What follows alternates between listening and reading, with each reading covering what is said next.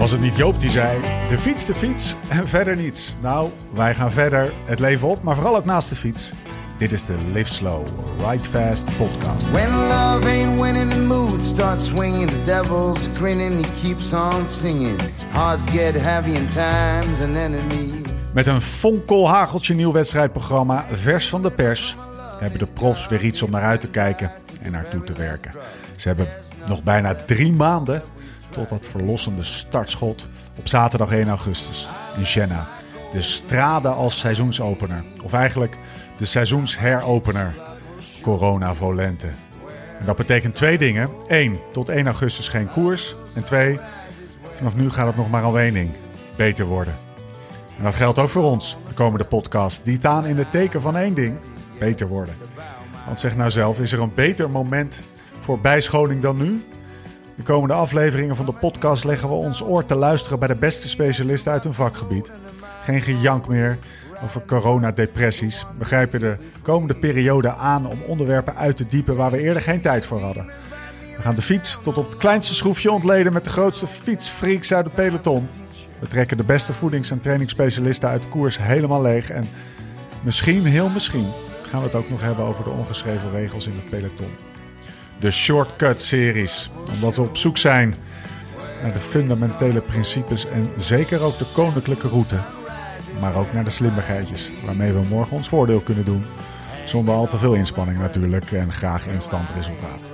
Hoe dan ook, vandaag deel 2. Trainen over supercompensatie en intervallen, over motivatie en schema's en over tips en tricks en taperen. Alles komt langs. Het is de hoogste tijd voor je periodieke Porsche wielerpraat. Mijn naam is Stefan Bolt. Tegenover mij zit hij weer. De man die aantoont dat je nooit te oud bent om te leren. Laurens ten Dam.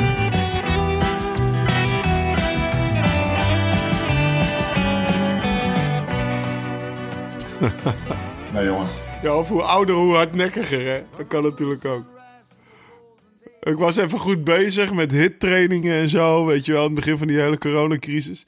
Maar ik kan me, de, ja, ik, ja, ja, die, ik kan me de laatste hittraining niet meer herinneren, hoor. dat was die ene, ik. Jij bent jezelf weer heel erg traag aan het trainen, jongeman. Ja, misschien wel, misschien wel.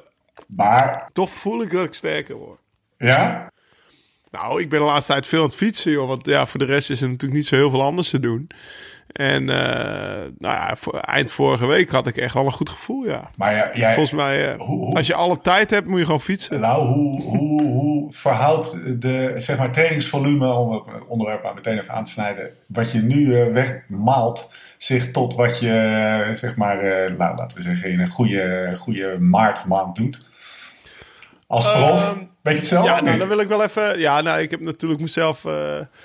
eh zodra je meer gaat trainen, ga je dat ook een beetje bekijken. En ik had me...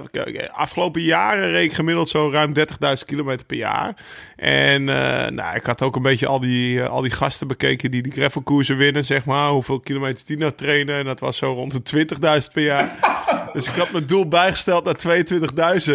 En in het begin van het jaar liep ik daarop achter. Zeg maar. Ik weet nog dat we die podcast met eh Tetrick deden. Die ligt trouwens nog op de plank. Ja, We hebben een pod, eh, dat de, voor de Gravel-series. Maar eh, die zijn even uitgesteld.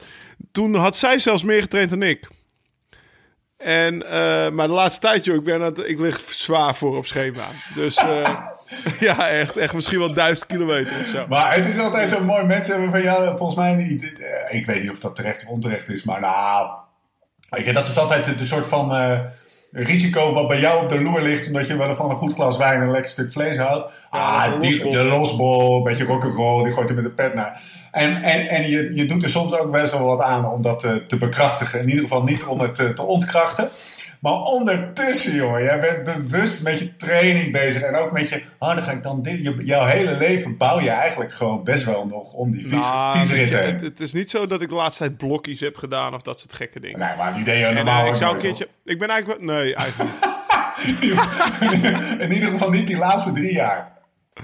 Nou, dat is trouwens niet waar. Ja, in dat is niet helemaal Denia, waar hoor. in Denia ging Maar- jij toen die, eh, die Mongo op eh, tien keer nuchter. Ja, daarom. En in, maar in Noord-Holland is het gewoon wat lastiger. Dus eh, hier is het gewoon rossen over zo'n...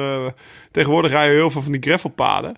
En dat is gewoon rossen tot het eind van het pad. En ik heb geen flauw ide- idee van de wattages of de minuten, zeg maar. Dus gewoon, ja, als we zin hebben, we hard.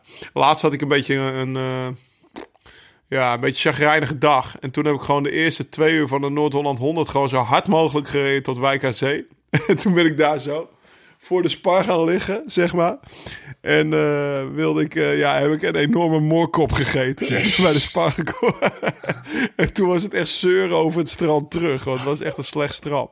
Ja, morgen Maar, eh, morgen ga je ja. ook niet echt houden van fietsen, denk ik wel. Nee, ja, nee, in het begin had je die Moorkop. suiker die je zo Oh, ja. proefde en daarna zo die, die room, weet je wel, dat vet van die room. Lekker, jongen.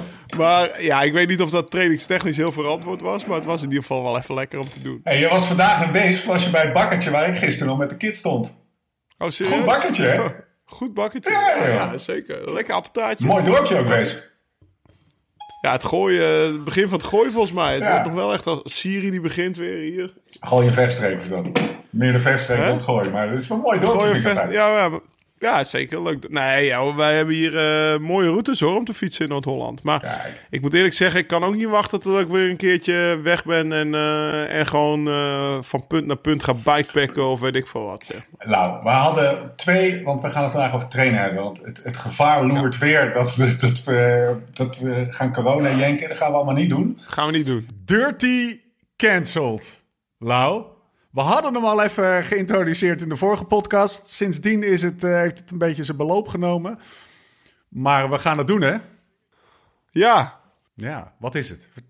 Eh, ja, wat is het? Kijk, normaal Dirty Kansas was het hoogtepunt van het jaar, zeg maar. Hè? En best wel moeilijk is, zeg maar, de Elfstedentocht onder het gravel rijden. Hè? Je moet inloten, je moet hopen en duimen dat je een startplekje hebt. En uiteindelijk had ik hem voor mij wel, maar dan moest ik hem voor jou ook nog hosselen. En voor Hossel Dennis ook nog hosselen. Dus eigenlijk werd er een beetje een keer andersom gehosseld. Nou, nou, nou, nou, Lau. Ga... Nou, is toch zo? Ja, het is, het is zo. Het is zo. Ga door. Ja. En, maar ja, gaat ook niet door. Dus eh, ja, gewoon vervelend. Want onze tripje Amerika wordt even door die neus geboord. En, eh, en wij, eh, wij, hadden, wij hadden dat eigenlijk in maart al een beetje in de smiezen. Toen we in Girona waren voor die Specialized Lounge van die nieuwe fiets. Mag ik nu wel zeggen, want morgen komt hij uit. Dus Jonne, morgen, morgen dit kan je gewoon online knallen, hoeft er niet uit. En waren we daar op die nieuwe fiets aan het rossen. En toen zeg ik, ja, maar hey, dan gaan we toch gewoon zelf eh, 320 kilometer fietsen. was nog eigenlijk vlak voordat de hele shit losbrak. Hadden we hele wilde plannen wat allemaal wel niet kon. Wel en niet kon. Maar Dirty Cancelled bleef staan. En het is eigenlijk gewoon volgens de regels van de wedstrijd... ga ik hem vanuit huis rijden. En dat betekent 200 mijl, 320 kilometer. Geen walk in the park, zoveel mogelijk gravel. Ik was vandaag met ene Nicky T aan het praten en die zei... Lau, die is de route aan het bouwen, hè? Ik, ik zeg wel dat ik het zelf doe via Komoot, maar hij doet het gewoon. Hij zei, Lau, jij gaat echt spijt krijgen van je geen walk in the park. Want we waren aan het fietsen door het gooi. En eh, we hadden best een mooi gravelpad gehad. Toen zei hij, zie je dat weiland? Ja, Dirty Cancelled gaat dwars door dat weiland, zei hij. Dus je moet, je moet zelf je route bouwen. We, ja, we hebben bijvoorbeeld ook hoog en laag vuursen erin zitten. De mountainbike routes allebei op de gravelfiets. Geen walk in the park. Eh, zes uur start, s net zoals een echte koers. Van tevoren zorgen dat je materiaal op orde is. Want het is volledig self-supported. Dus geen auto mee met vrouw en kind die aan het afsteken is en jou een bidonnetje geeft. Maximaal zou ik zeggen twee keer echt stoppen bij een supermarktje om te, ja, te restocken. En dat is altijd handig een supermarkt, want dan kan je gewoon alles kopen wat je wil. Dus mocht je zin hebben in, eh, weet ik veel, tequila, dan koop je een fles tequila. Wil je toch bij een colaatje houden, koop je een colaatje. En nou ja, dan rij je dus die 325 kilometer. Dat is sneller gezegd dan gedaan, want eh, je gaat ook geen 30 gemiddeld rijden. En dan kom je thuis en dan verplicht vier je het. Net zoals dat je een echt evenement viert met weet ik veel. Hoe jij een evenement viert. Bier, pasta party. Je vreet een diagonaaltje uit de frituur. eh, noem het maar op, zeg maar. Je gaat er gewoon voor die dag. En eh, nou ja, dat, eh, daar had ik heel veel zin in. En we lieten het in de podcast vallen. En daar hadden veel meer mensen zin in. Dus er kwam er al best wel bus. Waarom denk je dat dat zo is? Ik heb daar een theorietje over. Oh, nou ja, kom maar met je is? theorie. Ik kreeg, Nou, ik denk dat het is omdat we, um, om meteen mijn eigen vraag maar te beantwoorden, omdat we in een soort tussenfase zitten van de, de, zeg maar de, de dark corona days, waarin we eigenlijk geen flikker mochten, en, eh, en- het wenkend perspectief dat we 1 augustus weer gewoon koers op tv Ja. krijgen. Maar tot die tijd is er niet. En, en ondertussen mogen we wel wat meer naar buiten. Eh, de, de zomer staat voor de deur. We zijn allemaal toe aan een, Aan een ding om challenge. toe te werken. Aan een challenge, aan een evenement. Ja. En tuurlijk, we mogen nog niet met z'n allen fietsen. Maar we kunnen wel met z'n allen fietsen. Ja, daarom. En, En eh, dat vind ik het toffe hieraan. ja, daarom. En eh, ik krijg al via Insta continu de routes van mensen die routes gebouwd hebben. En ik Ja, zeg al mensen 200 zijn mijl, maar de meeste zijn aan het 100 mijl. Want Dirty Kansas heeft twee afstanden, 100 of 200 mijl. Eh, zelfs bijvoorbeeld een Wout van Aert. Die stuurde me via een Insta een berichtje van... hey, vet jongen, ga ik aan meedoen. Dus Ik heb een nieuw doel nodig. ja, ja, echt... eh, Ja, vet, Echt heel vet. Dus eh, ja, Eh, we gaan het gewoon doen. Bij deze de oproep. Iedereen kan meedoen. Je hoeft je in principe nu nog nergens in te schrijven. Althans, dat is niet het plan. Zolang je maar om 6 uur start. Nee, je moet, helemaal, nee, je moet helemaal niks. Ik hey, voor de duidelijkheid, ik organiseer ook geen evenement. Maar ik, ik, Precies. ik gewoon om de, om, het, om de liefde voor de fiets te vieren, ga ik 30 mei gewoon 325 kilometer rijden. Over zoveel mogelijk gravelpaden. En dan gaat ook een hele wereld voor je open, man. Want wanneer train je nou eens 300 kilometer? Dus als je die route gaat bouwen, dan word je opeens gek. Want je komt op plekken waar je vanuit huis normaal nooit komt. En eh, je komt op gravelpaden waar je nooit komt. Eh, weet ik veel, je vindt die gare supermarkt op een plek dat je hem net echt nodig hebt. Dat je het niet verwacht, zeg maar. Dus ja, ik denk dat het echt, eh, echt heel tof kan zijn. En eh, ja, heel veel mensen denken dat. Dus we hebben het volgens mij gisteren online gehouden. Of eergisteren op, eh, via Insta. En veel mensen, volgens mij had ik al 100 reacties op bericht van mensen die hem wilden doen. En nou ja, join the club. Dirty cancelled. 30 mei. Zo is het. Maar eerst gaan we luisteren naar een berichtje van onze vrienden bij de Meat Lovers. Ja, we gaan zo meteen bellen met onze gast Hendrik Werner. Maar eerst een berichtje van themeatlovers.nl. Ze zijn er ook dit keer weer bij, onze nieuwe partner. Een heuse Live Slow partner. Het is er eentje waar we blij van worden. Heel blij, mogen we wel zeggen. Van harte welkom, themeatlovers.nl. De online slager met alleen het hoogste kwaliteit vlees. Online besteld, bezorgd bij je thuis. Met de Meat Lovers breng je de restaurantervaring thuis. Lekker in je eigen vertrouwde omgeving, maar met de kwaliteit die je in een restaurant zou verwachten. Volle bak genieten dus. En hoe jouw kookkunsten ook zijn, just channel your inner chef everything. Ga dus meteen naar themeatlovers.nl slash podcast, want daar krijg je met de code Live Slow Ride Fast 15% korting op je bestelling. En alsof dat nog niet genoeg is, kan je ook dit keer weer het barbecue pakket winnen. En ik kan je verklappen, het wordt barbecue weer. Het enige wat je moet doen, is je even inschrijven op themeatlovers slash podcast. We maken de winnaar weer bekend in de volgende podcast. Dus check themeatlovers.nl slash podcast en knal maar aan die barbecue. Door met de show. Zo, door met de show. Maar eerst hebben we nog een prijswinnaar bekend te maken. Eh, dat is iemand die, eh, die wint datzelfde pakket als wat wij eh, hebben gepakt, Lau. En dat is die van jou al op trouwens. Nee jongen, ik heb nog een parelhoentje in mijn vriezer liggen en een truitip. Maar de rest is op. Ja, die truitip, ja, weet je, dat is een stuk vlees van anderhalf kilo. En eh, Ja. ik, eh, ik moet eerlijk zeggen, ik heb nog niet veel feestjes gehouden de laatste zes weken thuis, zeg maar. Dus, eh, dus die liggen gewoon te Ik heb wachten. die cicade nog liggen. Ja. Ik heb die anderhalf kilo cicade Maar ik heb liggen. gisteren dus wel low en slow de sperripjes klaargemaakt voor het eerst. Zag ik, Ja. ja. Vet, jongen. Dat was lekker. Ja, vet en lekker was Maple het. syrup, Maple barbecue saus, eh, roomboter erop. rup, de hele rimram, jongen. Ze vielen uit elkaar van, eh, van ellende. Nee, dat is niet waar, maar ze waren gewoon erg lekker. En eh, ze vielen van het bot. En Bodie, jongen, die kleinste van me, die heb ik zien kluiven. Dat was gewoon genieten. Dus ja, stop met die barbecue. Want je, je zet hem op 100 graden en je hoeft er drie uur niet naar te kijken. En dan gooi je ze in het folie en dan hoef je er twee uur niet naar te kijken, weet je wel. Dus dat- ja, perfect. Lekker man. Nou, ik heb een, ehm, een prijswinnaar en die krijgt het pakket thuis. Zijn naam is Laurens ten Dam. Donny. Donny Mom. Donny Mom. Goeie naam, Donny. Ook jij kunt genieten van eh, een paar dagen heerlijke barbecue. Ik zou maar eh, je ontbijt eventjes wat, eh, wat kleiner maken. Want s'avonds stop je die calorieën erin, kan ik je verklappen. We gaan onze gast bellen. Hendrik Werner. Je mag hem zo introduceren. We gaan hem eerst bellen. Hendrik, welkom Ja, in de hey. podcast. Bedankt. Lau, Ja?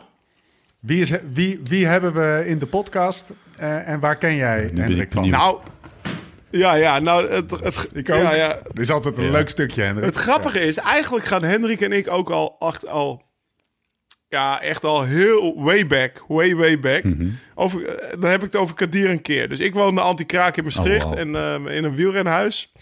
En er was, eh, er was nog een eh, anti-kraakhuis. En daar was, eh daar was het... eh, het eh, ik woonde in het kasteel en Hendrik woonde in het klooster.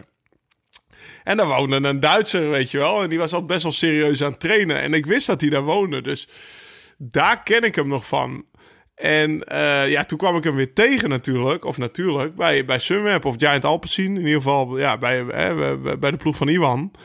En eh, toen zeg ik, joh, ja, Kadir een keer. Hoe lang heb je daar gewoond, Hendrik? In totaal? Ik heb- ja, of ja, ja, niet gewoond. Je kwam er altijd langs. Ja, Iedereen woonde daar. Het was een heel groot, raar huis. Ja, als, als u mij nu vraagt, zou ik zeggen negen dagen.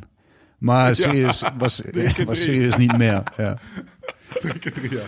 Ja, dat was zo'n huis als je daar even... Ik heb er zelf nog twee maanden gewoond, Mhm. ook. Nadat ik uit mijn eigen anti-kraakpand was gezet. Maar dat was een huis... Ja, dat was een oude, oude secte of zo. Maar ja, daar kende ik hem niet van. Maar toen kwam ik hem dus weer... Of ja, hè, negen dagen is kort. Maar toen kwam ik hem weer tegen bij Sunweb. En natuurlijk heb ik mijn eigen trainer eh, altijd gehad, Eugene Jansen. Maar eh, ja, dat, dat vond ik te makkelijk om, om twee handen op één buik, zeg maar. Dan meteen, eh, we gaan iemand over training bellen. Nou, iemand die mij, zeg maar, eh 15 jaar getraind heeft. En ja, door Hendrik was ik altijd wel geïntrigeerd. Omdat, ja, die trainde... Ik heb, ik, ja, ik heb vandaag al gefietst met Nicky en ik heb verhalen verteld... die Hendrik mij in het voorgesprek verteld heeft. Die, die, die trainde naar de... Eigenlijk meer naar de renner toe. Ik weet, ja, dus... Dus eh, ieder persoon benadert die anders. Geen, geen eh, weet je, van die control, control eh, P, control V, zeg maar, knippen plakken trainers. Hè, die iedereen huppatee, hetzelfde schema geven. Ja. Daar, eh, daar heb ik eigenlijk een beetje een broertje dood aan.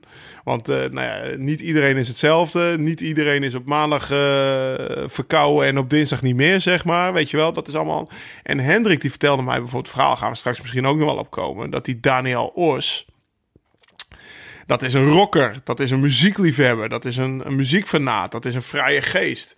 Die stuurt hij op pad met, eh, met eh, eh, een, een, een muzieknummer. Zoals van ah, dinsdag, weet je wel, ga je trainen met dat nummer van, weet ik veel, Metallica, weet je wel, in je hoofd. En met die vibe moet je op pad gaan. Ja.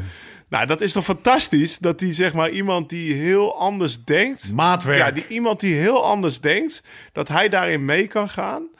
Om hem dan een, eh, een bepaalde vibe mee te geven als je gaat trainen. Dus niet drie keer tien minuten doe je dat. Of drie keer. Nee, jij gaat vandaag trainen op dat nummer. Weet je wel, een keihard nummer. Nou ja, dan weet je wel dat Da- hoe Daniel eh, weggaat, zeg maar. En Wat vind je ervan, Hendrik, dat hij jou zo eh introduceert? Ja, had, je, had je dit verwacht? Nee, verwacht had ik sowieso helemaal niks. Maar eh klopt gewoon. Ja, ik bedoel, eh, ik, ik, ik, ik weet niet waar het vandaan was, want ik, ik had Daniel ook nog niet in de beginning. Maar op trainingskamp was wel van, was alleen maar klim. Alleen maar klim met de eerste borencamp. En de eerste dagen dacht ik van, ja, maar waar gaan we nu weer een beetje in de omgeving voor Daniel? Dus een beetje de motor aanzetten en eh, gewoon lekker ram. En toen kwam My Limp Bizkit Keep Rolling ergens tegen en dacht van, ja, dat is het nummertje. En eh, met die vibe ga ik nu een heel mooie training opzetten voor Daniel. En daar was het eigenlijk een beetje gestart. En nu heb ik heel vaak dat hij iets zegt of ik iets voel voor de dag. En ik denk van, wel, die en die song, die, ja, die drukt dat gewoon super uit. En die stuur ik dan. En met die vibe gaat hij dan gewoon de training doen. Maar hij heeft het ook andersom. Hè? Dus als hij bepaald voelt, stuurt hij mij een beetje, eh, ja, stuurt hij mij een song. En eh, dan heb ik een beetje idee van, oh ja. Ja, Cool. Maar even terug naar, even Ja, terug ja. naar het begin. Ja. Hendrik, eh Sunweb, trainer van nou ja, Sam Ome, Tom Dumoulin, vrienden van de show. Die, eh, die geven altijd hoog van hem op. En ik heb nooit Hendrik mogen ervaren, zeg maar, dat hij mij schema's gaf. Wel gewoon in de koers dat hij mee was. En dat we ouwe hoeden over de koers en hoe het was. En hoe ik me voelde en hoe de ploeg eh, werkte. Maar die gaven altijd hoog van hem op. Dus toen, we, ja, toen jij zei, Lau, eh, we gaan het hebben over training. Zeg ik, we gaan Hendrik bellen. Ik weet dat hij, dit jaar werkt hij voor Bora. Dus eh, hij, hij, is, hij is geswitcht van, eh, van Team Sunweb naar eh, Team Bora. De ploeg, eh, nou ja, ploeg Sagan mag je wel zeggen. Of ja, inmiddels al niet meer, denk ik. Maar zo is hij wel begonnen. En eh, ja, de Hendrik die, die kan dus eigenlijk... Ik denk, jij hebt heel veel vragen. Ja. En ik, Ik ook. Ja, en ik denk dat, eh, ik denk dat het orakel van Mallorca... Jij ook, weet ik. Het orakel van Mallorca, want hij woont op Mallorca inmiddels. Hè, Hendrik? Dat zeg ik goed. In een, eh, ja, ik heb heel lang ook bijvoorbeeld t- tijdens Sunweb tijd gepraat over zijn huis en zijn tuin. En eh, hoe dat dan ging. Dat hij dan na drie weken koers terugkwam en anderhalve meter gras in zijn tuin stond opeens. En dan was hij vanuit Duitsland niet gewend bijvoorbeeld. En, dus ja, ik denk dat hij echt op al jouw vragen over training... en ik heb zelf ook nog wel een aantal wel antwoord kan geven. Mooi. Eh, want ehm, eh, laten we daar, eh, ehm, vo- voordat we op al die vragen ingaan, Hendrik, wat, wat doe jij? Wat doe je precies binnen, wat is je werk? De werk bij Bora, de positie daar bij Bora. Ja, je mag Ja. het trainer noemen, maar dan moeten we altijd praten van wat, wat is voor jou trainer. Ik bedoel, bij, bij Sunweb was het dan ehm, naast de trainer, of daar was de naam, ja nee, dat was de naam trainer. Eh, maar had je ook altijd nog coachwerk, dus je was dan nog ergens naar de koersen en zo toe. En ehm, ja, daar heb ik ook mijn verhaal met eh Lau, maar eh, toen heb ik wel gezien van, wel, daar is ook iets ehm, waar je nog heel veel ruimte heeft om te verbeteren, om het in goed te zeggen. En Wat is mijn verhaal met Lau? Wat bedoel je dan? ja, ik, ik bedoel, Mag hoor. we kunnen, kunnen alles, alles knippen, hè? Maar ik, zag, ik zag aan je ogen dat er, want we, bellen, bellen met beeld.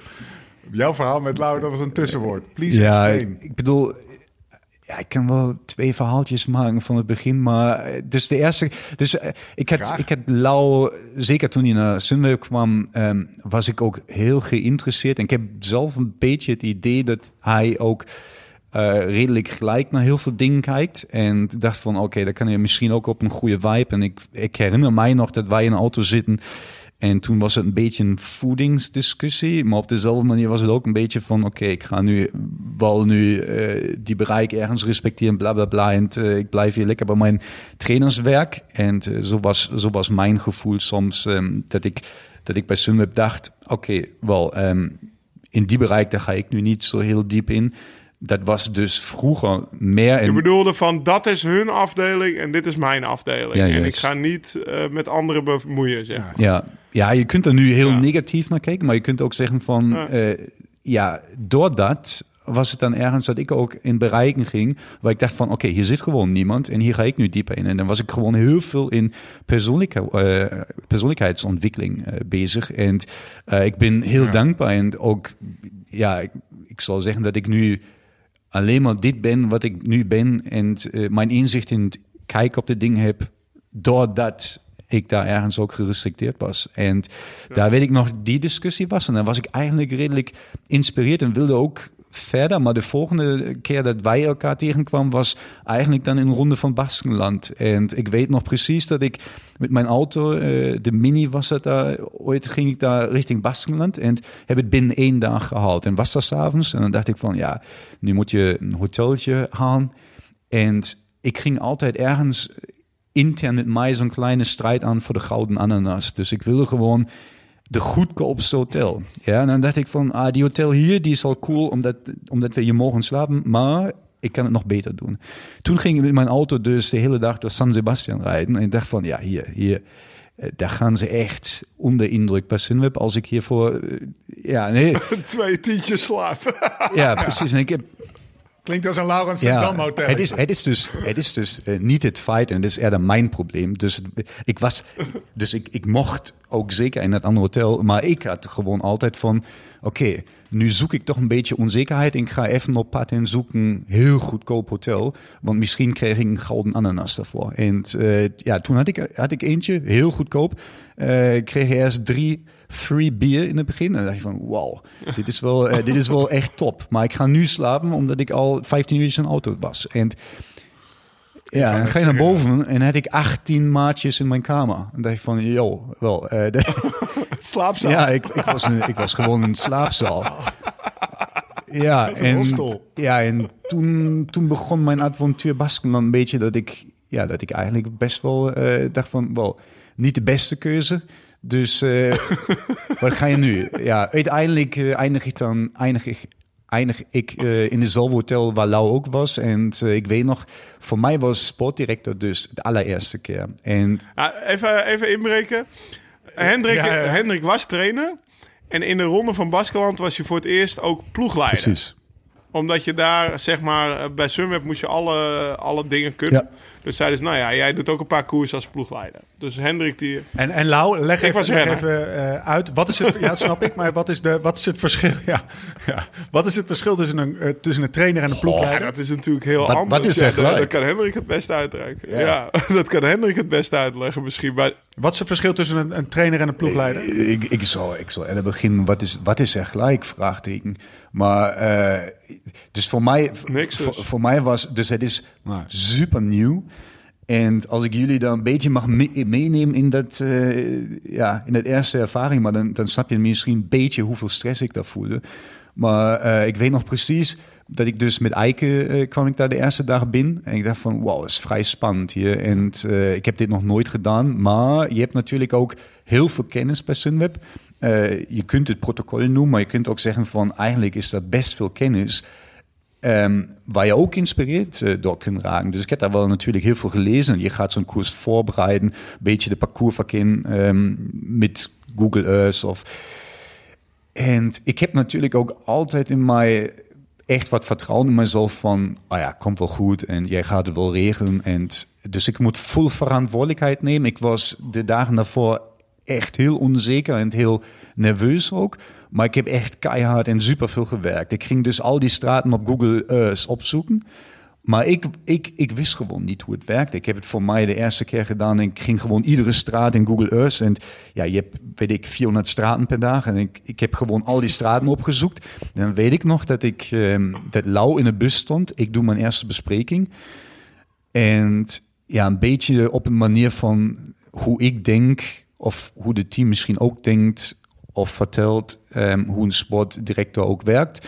En dus was ik niet echt ikzelf, zeg maar. Ik durfde het wel zijn, maar ik, ik was het heel zeker niet. En Je, je deed Ja, als ik- een sportdirecteur, Ja. als een ploegleider. maar je voelde nog niet dat je Ja, heel- was. En toen had je Lau in de bus zitten. Die dat natuurlijk Ja, fijn aanvoelt. Wat gebeurde er ja, hij vraagt mij gewoon: Hey Hendrik, ehm, dit straat hier, daar, ehm, is dat een grote straat? En ik zei: Ja, dat zijn twee of drie baan. Dus daar kun je heel makkelijk en eh, mooi opschrijven. Dus eh komt allemaal goed. En Lau die wist gewoon: dat is zo'n klein geitenpad, zo'n heel, heel smal weggetje. en eigenlijk gebeurt het daar. En hij heeft mij dus eh, daarop gevraagd. En ik raakte heel onzeker. Ik was aan het zweten en ik, ik weet nog eh, wat, wat dat voor een moeilijk gesprekje had, was. En ook achteraf, want eigenlijk verlies je ook al vertrouwen zo'n beetje. Zo, tenminste van mijn, van mijn, van mijn gevoel. Ja. En eh, Want je moet in de koers beslissingen nemen. hè. En dus je hebt wel wat vertrouwen nodig. Want je moet op cruciale Precies, momenten precies. belangrijke besluiten nemen.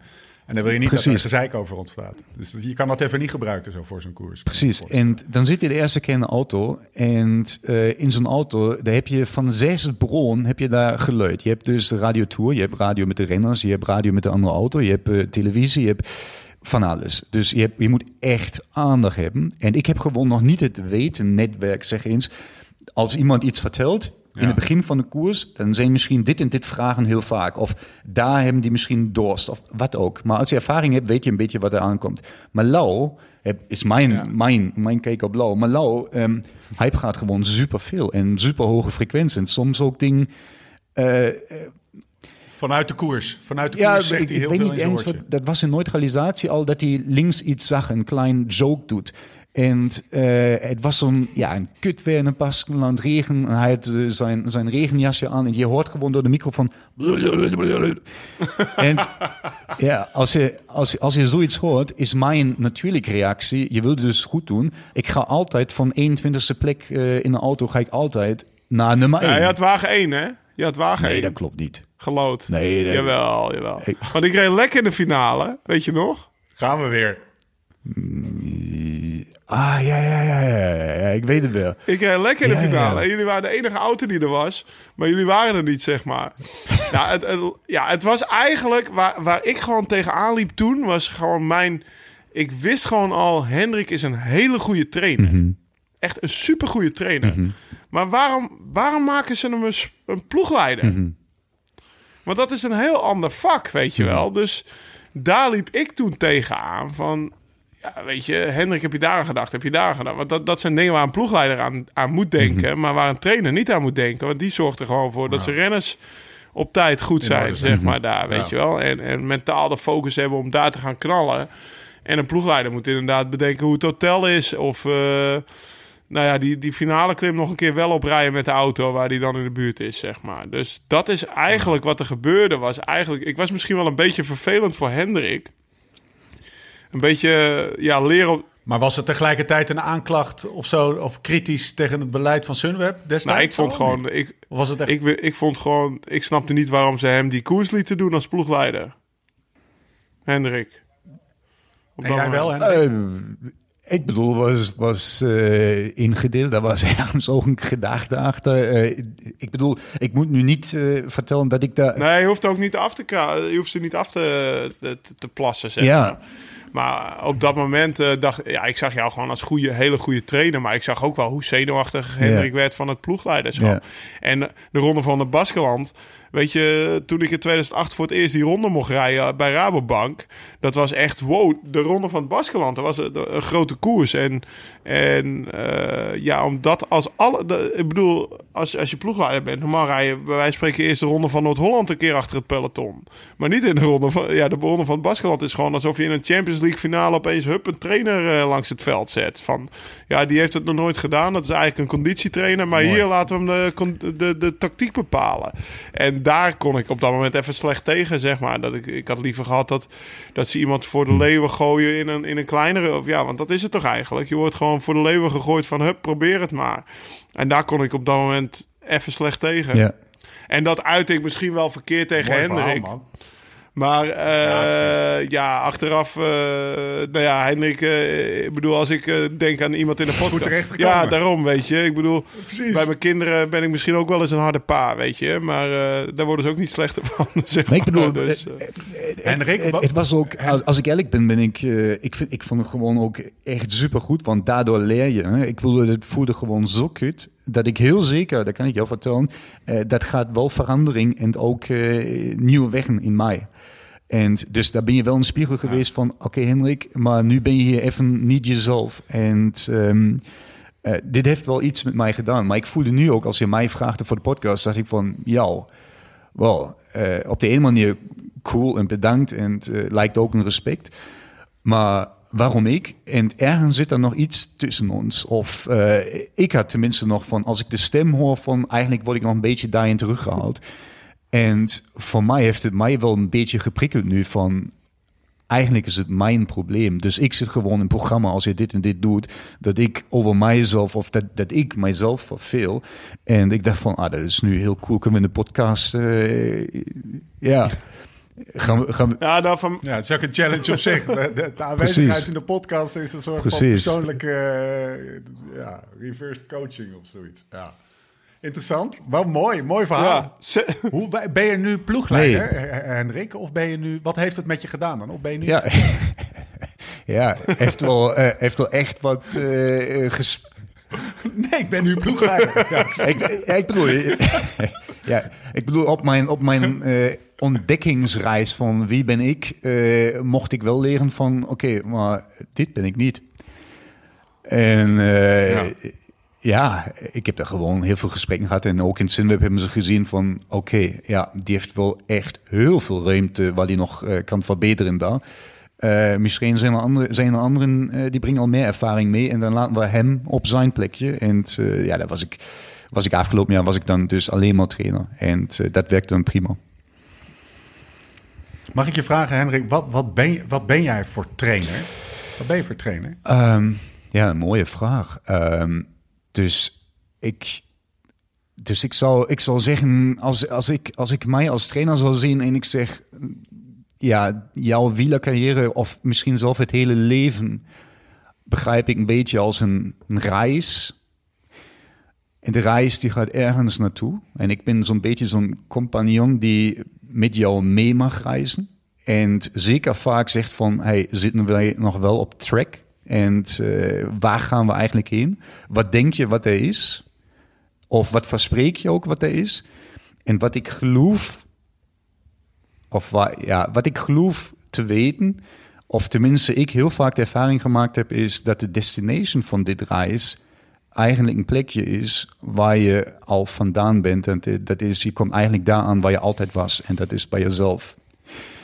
En daar zie ik mij een beetje als een reisbegeleiding die ja, zeker ehm, een weg daar naartoe en zeker ook licht ehm, in het donker kan, kan, kan geven van hey, als je dit en dit doet, maar moet je wel zien, dat kan ook dit en dit effect hebben.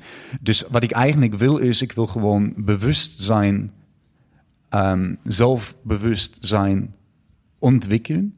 Ontwikkelen, daar zijn gewoon heel veel laagjes overheen, maar een beetje helpen van, oké, wie ben ik eigenlijk? Want ik geloof dat in de opleiding, en dat weet Lau misschien ook met zijn kinderen, maar heel vaak begint het van, in Duits zeg je, er was, dan hast er was, dan bist er was. Dus als je iets doet, dan krijg je iets en dan ben je iets. Dus ding, mensen doen ding om iets te zijn, of ze gaan ding, weet ik, kopen, dieselbroek of wat ook, om iets te zijn of iets te laten zien.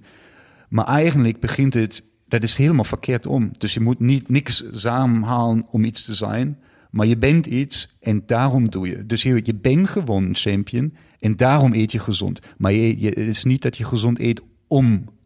Ja, en, en eh, dus op deze reis en te helpen van wie ben ik eigenlijk, wat zie ik in jou en daar te spiegelen en de begeleiding te doen, eh, daar zie ik een beetje, ja, zo begrijp ik mij een beetje als trainer. Dus ik ga heel zeker niet zeggen van je gaat nu hier langs, heel zeker niet, maar ik ga je misschien licht maken van ik zie dit en dit weg. En ik zie dat je misschien op dit en dit weg daar naartoe komt. Maar de motivatie die breng jij. En uh, uiteindelijk de weg maken, die moet ook, ook jij. Maar inspireren of zien of licht maken, um, daar kan ik mijn bijdrage doen. En daardoor kan ik heel veel leren. Hendrik, Mhm.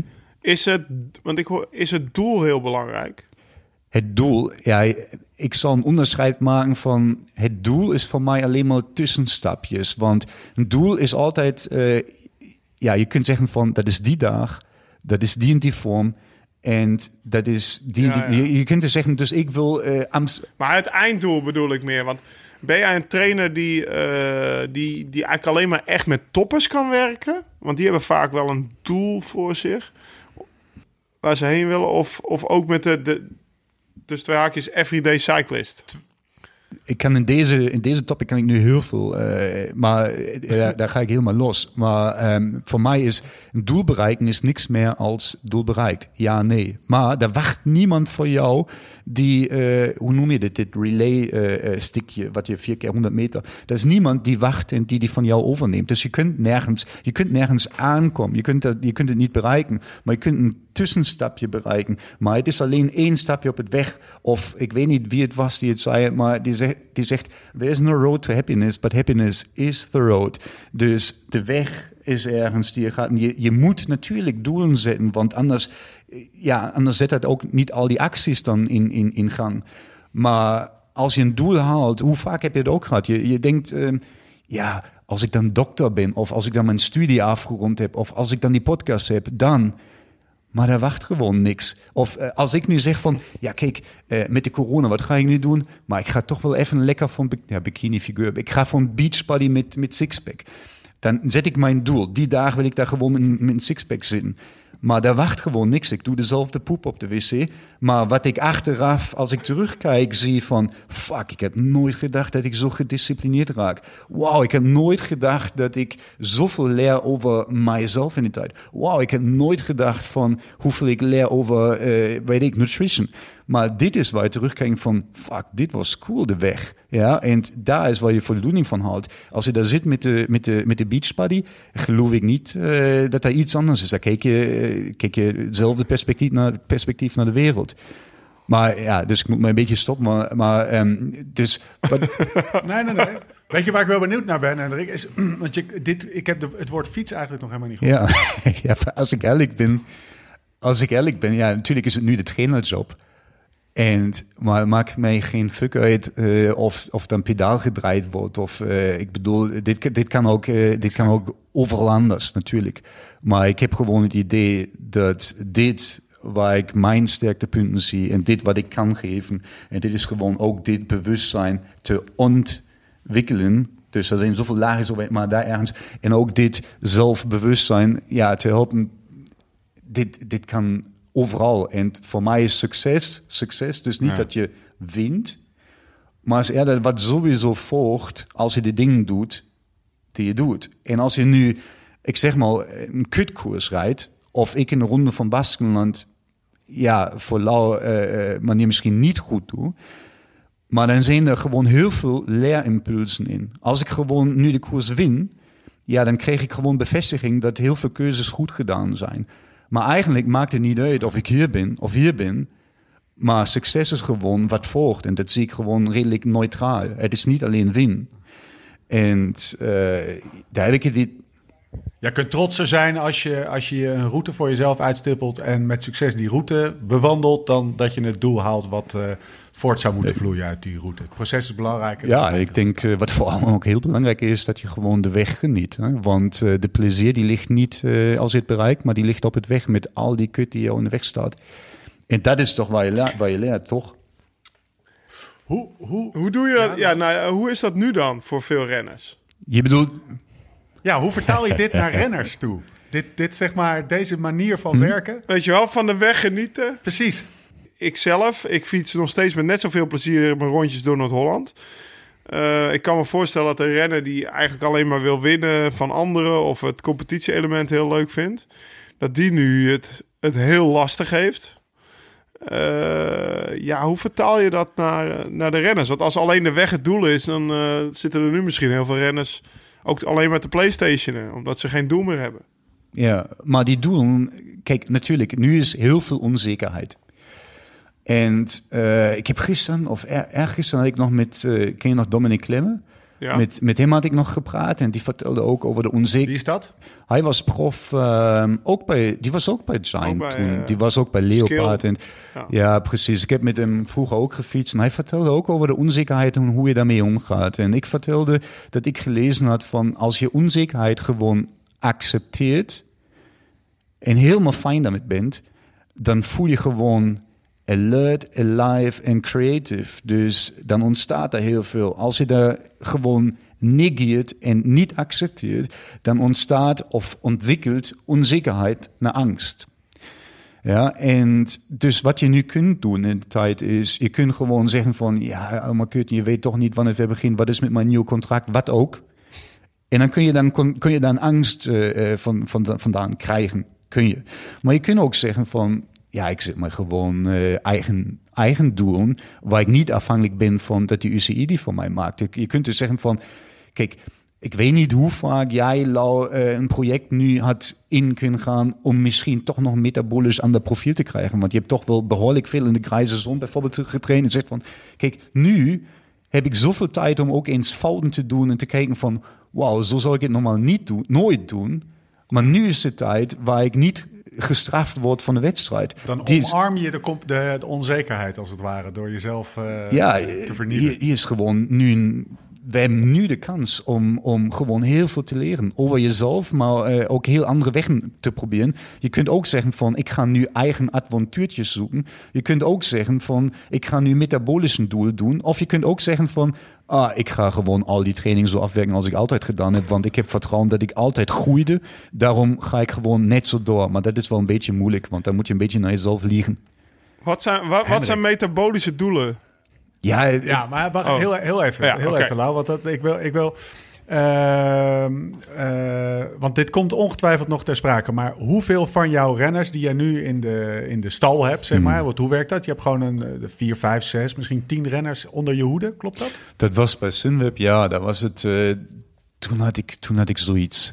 Maar eh, met, met, ja, met Bora kwam ik heel laat er nog bij. En eh, er was één, één trainer die, die ging weg. En eigenlijk zijn het vijf renners dan, ehm, die ik dan ja, overgepakt heb van hem. En eh, Hoe gaan, die om, hoe gaan die om met deze onzekerheid? En in hoeverre bewandelen die de weg die jij nu beschrijft? Van om, omarm hem, eh, experimenteer. Eh, zorg dat je, dat je een ander type... Kijkt of je ook een ander type renner kan zijn. Of, of blijft doen wat je wil. Ja, Hoe, hoe- allemaal, hoe allemaal, werkt dat? allemaal heel verschillend. Dus eh, je hebt de ene die de tijd echt even gebruikt. En, want ik, ik dacht in het begin ook van, je weet echt niet hoe lang dit tijd duurt. En dat weet je nu nog niet. Er is Ja. een beetje licht aan Ja. het eind van de tunnel, maar dit is nog steeds onzeker. In het begin dacht ik van, ja, ik ga je heel zeker nu op dit moment niet pushen. Maar ik ben toch ook benieuwd van, waarom fiets je eigenlijk? En dit ook een beetje mee te krijgen. Dus ik hoorde dat bepaalde teams bijvoorbeeld zeggen van... oké, eh, wedstrijden zijn daar, je doet nu rust. En rust bedoelt niet meer als, weet ik wat, XY. Dit is nu de formula, dit ga je doen. Andere teams zeggen van, doe wat nu lekker voor jou voelt. En daar zit ik ook een beetje mee. Luister even naar binnen, de antwoord die heb je al. Maar doe even wat nu lekker voor je voelt. En ga zeker nu, ja, ga, nu niet voor de extra mile of de extra weerstand in. Hou jezelf fit. En eh daar zijn heel andere antwoorden van renners. Dus de ene zegt van, ik heb dit structuur en dit naartoe werken eh, nodig. En ik moet eigenlijk voorstellen dat ik deze tussendoel hou. En ik geloof gewoon in het proces en daar ga ik dan mee en ga mee begeleiden. Maar ik ga zeker altijd de spiegel voorhouden dat we nu niet mentaal iets opbreken. Je hebt anderen die zeggen van, wow, mijn boog die zat al behoorlijk op spanning. Ik was al in San Juan, ik was al op trainingskamp in hoogte. Heb mijn familie vijf weken niet gezien. Ja, daar ga ik niet zeggen van... eh, Die deden even helemaal niks. Bij wijze van. ja, kan, ja, kan ook. Maar als je, als je eerlijk bent, dat heb je zelf ook. Je liefde dan toch zo, zo erg dat je ook denkt van... Ja, niks doen word ik ook niet gelukkig van. En dan beginnen ze, beginnen ze vanzelf ook te fietsen. Maar ik was zeker niet die iemand die in dat moment pushte. En ik vond het ook vrij, spannend om te zien van... Waarom fietst hij eigenlijk? Want... Er zijn ook sommigen die denken dan van... Ja, ik ga gewoon nu ding, avontuurtjes zoeken... die ik nooit zou doen als prof. Ik fiets nu 300. De volgende zegt van... Ja, en ik fiets nu Everesting of wat ook. Ja, en ook dit. Ze hebben allemaal wel een uitdaging nodig. Of toch wel een, aantal. Nee, nou ja, dat zal, zal ik zo niet zeggen. Er zijn ook anderen eh, die houden gewoon fit en eh, genieten gewoon echt van de tijd met familie bijvoorbeeld nu. Maar dat was ver van... Dat zijn de eh, Ramon Sinkeldams onder ons. Ja, dat zal je beter Ja, weten dan die ik. ken ik. Ja, Ja. Ja, ja. Hendrik, heb je er al één op zijn flikker moeten geven omdat hij niet genoeg traint? Eh, ga ik nooit, want je, je, je doet het niet van mij. Hè? Eh, je, je doet het altijd voor jezelf en uh, dan flik je, flik je toch jezelf. Dus uh, ja, ik zal, ik zal jammer. Deze, ga, deze ga ik onthouden, Stefan. Ik zal je nooit meer op je Nee, maar- geven dat je te weinig traint.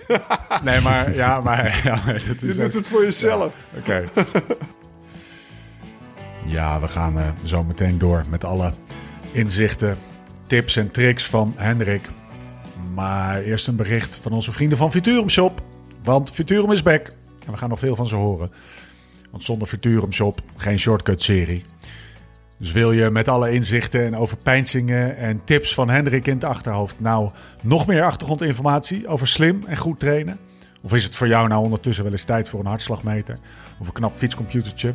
Of denk je erover om toch een keer de stap naar een vermogensmeter te zetten? Nu is het moment. Check futurumshop.nl slash liveslowridefast. Bestel je voor 11 uur 's avonds, kan je er morgen al mee fietsen. En alsof dat nog niet genoeg is, vind je nu op futurumshop.nl slash liveslowridefast een mooie korting voor je volgende bestelling. Check dus direct futurumshop.nl slash liveslowridefast. Shop, de shop voor wielrenners en mountainbikers. Door met de show. Een vraag die me de hele dag door, de, door het hoofd is eh, eh, eh, blijven malen is... Wat is het verschil tussen trainen en, en lekker fietsen? Trainen en lekker fietsen. Ik zou zeggen, trainen is dat je doelgericht um, ergens jouw grens opzoekt en de extra stap doet met lul. En daar gaat het eigenlijk om. En met lekker fietsen is, uh, ja, de lichaam vertelt je. En uh, je doet, maar ik, ik, ja, misschien kun je daar ook soms uh, even de grens op zoeken. En, maar met training is toch doelgericht om ja. ergens jouw lichaam in bepaalde discomfort te brengen, dat hij uh, ja, een reactie toont. En door die reactie uh, dat je meer ressourcen naar de, naar de bepaalde doel brengt. Bewust en doelgericht mm -hmm. naar een doel toe werken. Mm -hmm. Wat zijn de, wat zijn de eh, want even voor de, voor de context, eh, Hendrik. Eh, we, we, we, er luisteren hier ongetwijfeld ook eh, professionele wielrenners naar. Maar ik denk dat 95% eh, eh, mijzelf in kluis, als het niet meer is, eh, dat niet is. En ik denk dat van die 95% van de, van de luisteraars... eh, misschien weer een 90% op zoek is naar eh, eh, zelf fiets... En, en, en misschien ook wel een beetje beter wil worden. Wat zijn de soort van de fundamenten van trainen die je aan die mensen mee wil geven? Wat moeten ze weten om bewust met prestatieverbeteringen om te gaan, volgens jou? Als ik, ja, als ik jou vraag, zo heb ik al echt een paar begrippen die ik nu gewoon oppak. Eh 95% komt in mijn hoofd van, ik denk serieus dat de training 95% is de echte basics gewoon doen. En die continu blijven doen. En die ook doelgericht doen. En het niet om de hocus pocus eh, gaat, maar dat zijn de 5%. Serieus. Mr. Shortcut. Nee, maar wacht even. Wat bedo- wa- wa- voordat jij weer eh, je, even terug in je hok. Wat, wat, wat zijn de basics dan? Want daar ben ik naar op zoek. Ja, ik, Dat is mijn vraag. Ik, ik bedoel, ehm, ja, eh, rust, slapen en eh, trainen gaat het eigenlijk om. Wanneer ga je eten? Ja, wat ga je op de fiets doen? Waarvoor? Wanneer ga je achteraf eten? Hoe pak je je slaap? Hoe bewust doe je dit allemaal? En dit met de bewustzijn vind ik echt... Dus ik ga het nu weer oppikken, maar ehm, je kunt het ook zelf meten. Als ik jou als ik jou een bidonnetje geef, een, eh, ja, weet ik, een Sunweb bidonnetje en er staat op, eh, Stefan, eh, no guilty. Ja, dus dit kun je drinken, want hier zitten echt alleen maar het beste proteïne, een beetje fibers, maar echt helemaal niet zoveel koolhydraten en ook niet zoveel energie in. No guilty kun je drinken. En dit drink je en ik ga meten wat gebeurt er in, jou, eh, in jouw lichaam. En nu geef ik je hetzelfde drankje en daar staat op, Stefan, dit is decadens die je verdient. 380 calorieën, zit echt wat energie in. Een echte substitution meal. En je drinkt het en ik ga weer meten wat gebeurt in jouw lichaam. Dus je weet het niet, het is een andere deco, maar je drinkt het met een ander bewustzijn. Het gebeurt iets anders in je hoofd. En daar zit ik helemaal achter. Dus ik, ik, ben, ik ben ervan overtuigd. En ik ga nu eh, geen ode voor, voor alcohol doen, maar ik zal zelf zeggen als je jouw biertje drinkt en je drinkt het eh, met het bewustzijn van, ja, ik ben gewoon te zwak eh, om profielrenner te zijn, maar die moet er wel even, ja, dan doet hij niet best. Maar als je die drinkt van, ja, die ga ik even en dan, dan zit ik relaxed en morgen gaan ze het allemaal zien, dan werkt die anders. En dit is ook met training. Als je weet waarvoor je nu gaat sufferen, heb je niet alleen maar de motivatie en volgt, maar dit gaat ook een andere adaptatie. Als je alleen op jouw schemaatje zit te kijken, vier keer heb ik nu gedaan, oh fuck, ik moet vijf. vijf. En je gaat één keer nog even eh, doorheen, dat heeft een ander effect. Dus bewustzijn, denk ik serieus, is key. Waarvoor ga je vandaag op je fiets? Wat wil je bereiken? Waarom? En hoe ga ik dat voorbereiden? Hoe ga ik dat achteraf doen?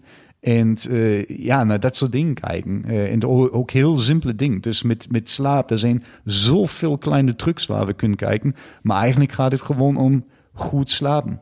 Maar goed slapen kun je nu, kunnen we nu een eigen podcast over doen.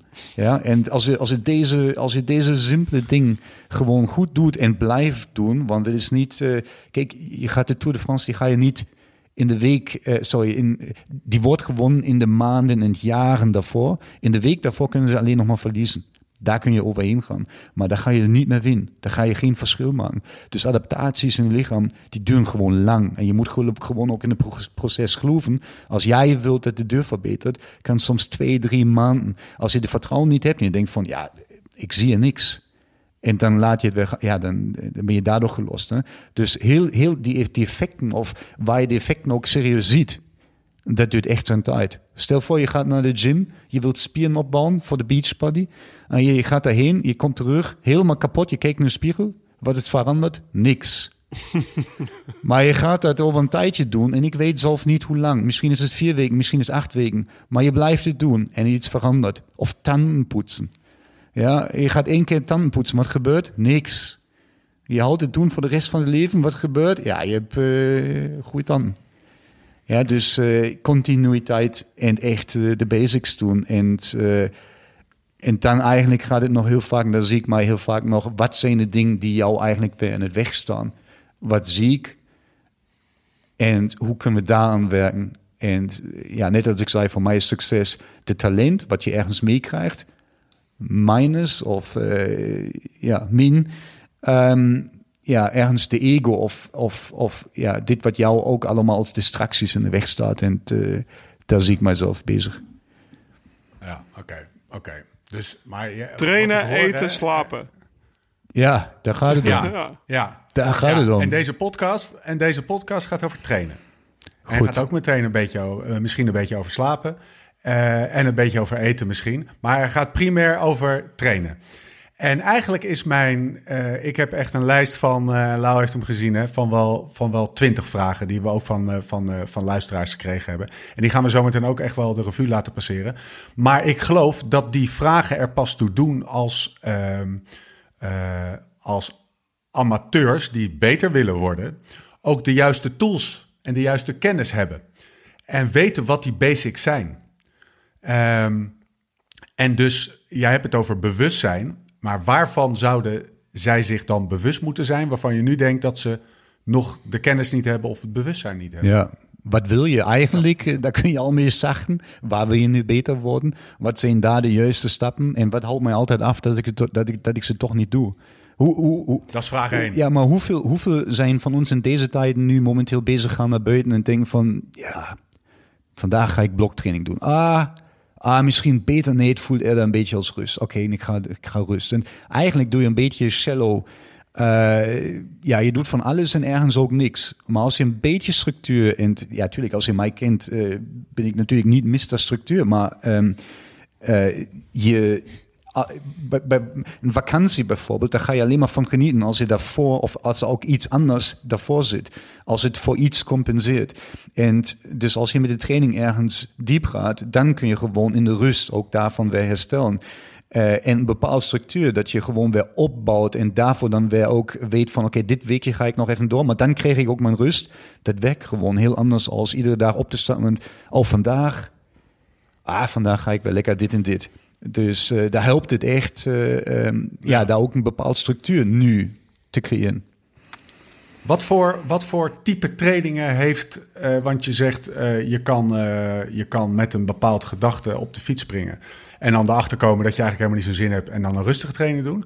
Maar wat, wat zijn de, wat is zeg maar het palet aan keuzes wat een wielrenner die op zijn fiets springt en die beter wil worden en die zijn doel duidelijk heeft, laten we dat eventjes aannemen. Wat heeft hij dan voor smaken? Wat heeft hij dan voor, voor grofweg voor, voor type trainingen?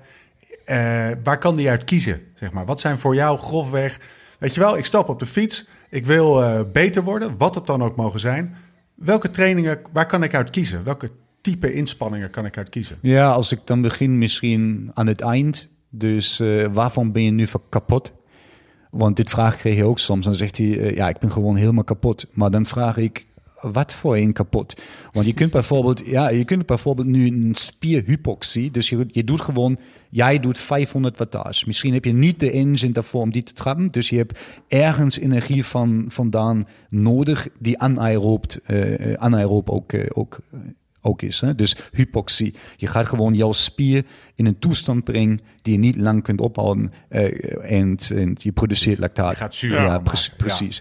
En dit is, dit is bijvoorbeeld iets. Je gaat over de intensiteit. Een tweede waar je ook kapot van eh, kunt raken is, je kunt jouw substraten, dus zeg maar de glycogeen of de pasta of ja, je kunt die leeg eh, rijden. Leeg.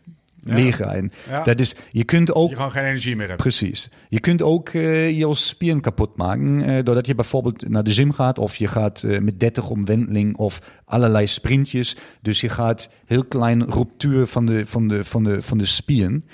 Of wat er ook, en dat wordt ook vaak vergeten, is eh, neuraal. Dus eh, al die spanning. Als je ergens in een fight and flight, je gaat met Lau en Ramon en weet ik wat, met een groepje, ga je een beetje met elkaar spelen en hier overheen. En hier moet je weer terug en hier een sprint overheen. En Dus je zit echt in zo'n fight and flight mode.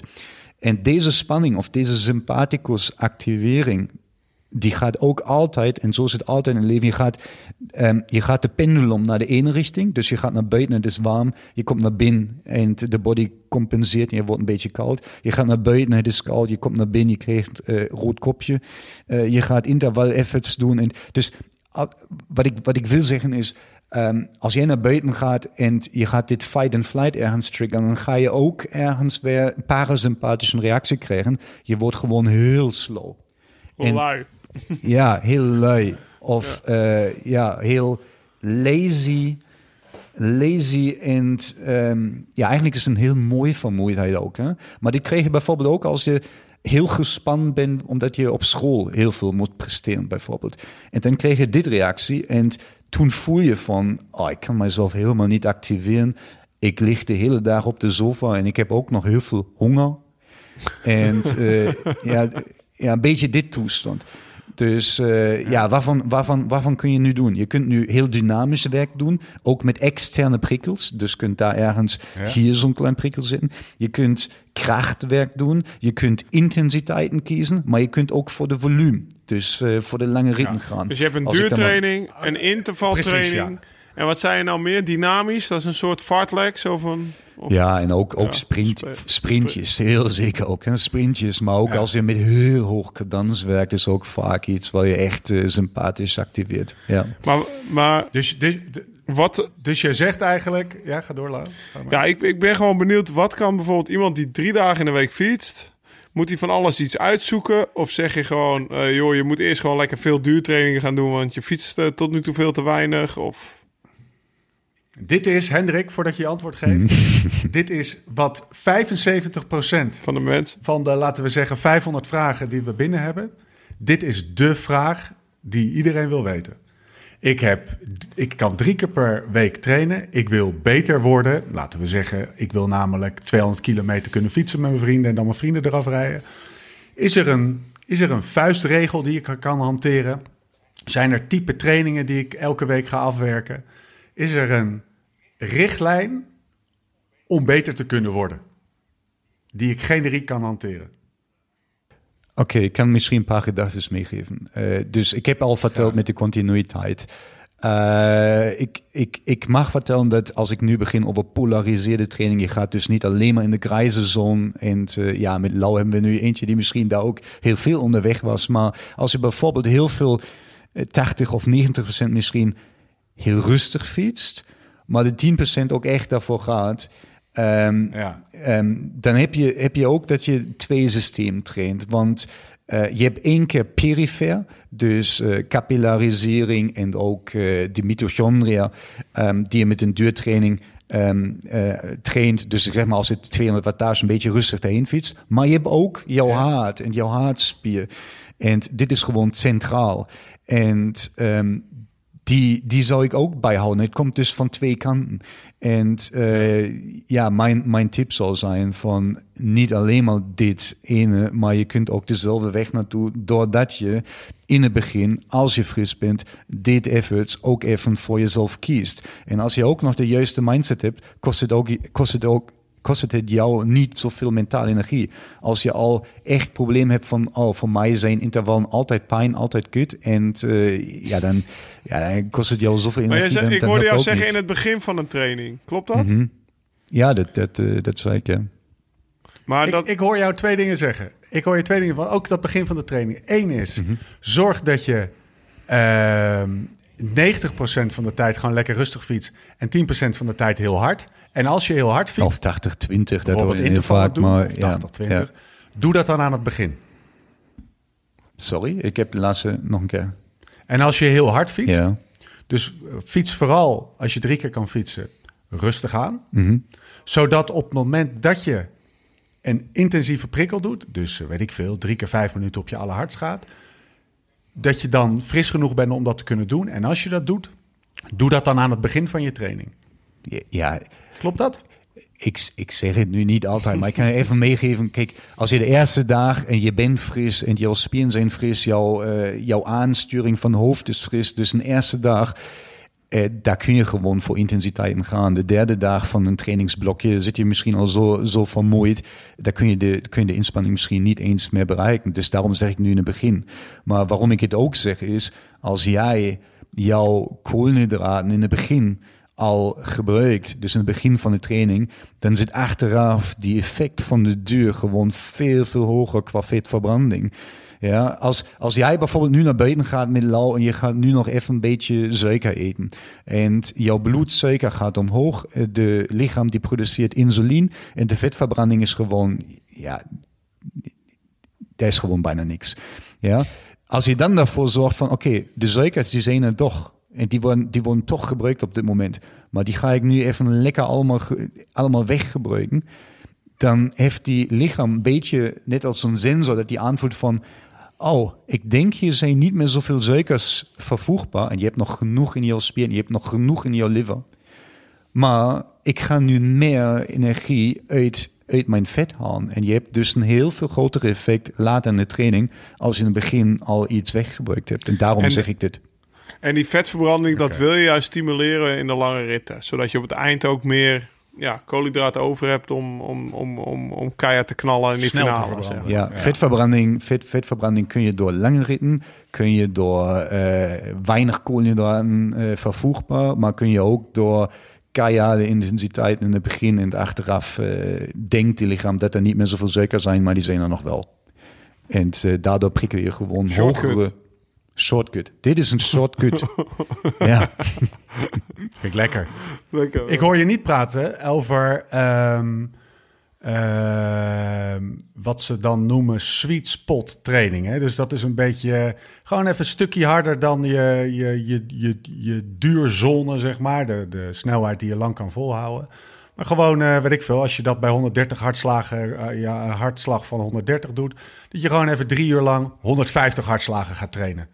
Dat is wat, eh, eh, eh, wat je ook wel hoort. Eigenlijk moet je die vermijden. Is dat ook iets wat jij, waarvan jij zegt, ja, je moet of heel rustig, zodat je als je heel hard gaat, dat je heel hard kan. Ja. Kijk, ik kreeg altijd zo'n beetje dan eh, van mij, oké, hangt daar af en hangt daar ook af van de psycholo eh, fysiologische profiel. Dus ik heb ook mensen waar ik precies juist dit even opzoek. Maar als je mij eh, sweet spot in het trainingsschema ziet schrijven, zie je die mij, van mij vaak later in de training in een toestand waar de lichaam al voelt van eh, de situatie qua koolhydraten, die, die ziet er niet meer zo heel perfect uit.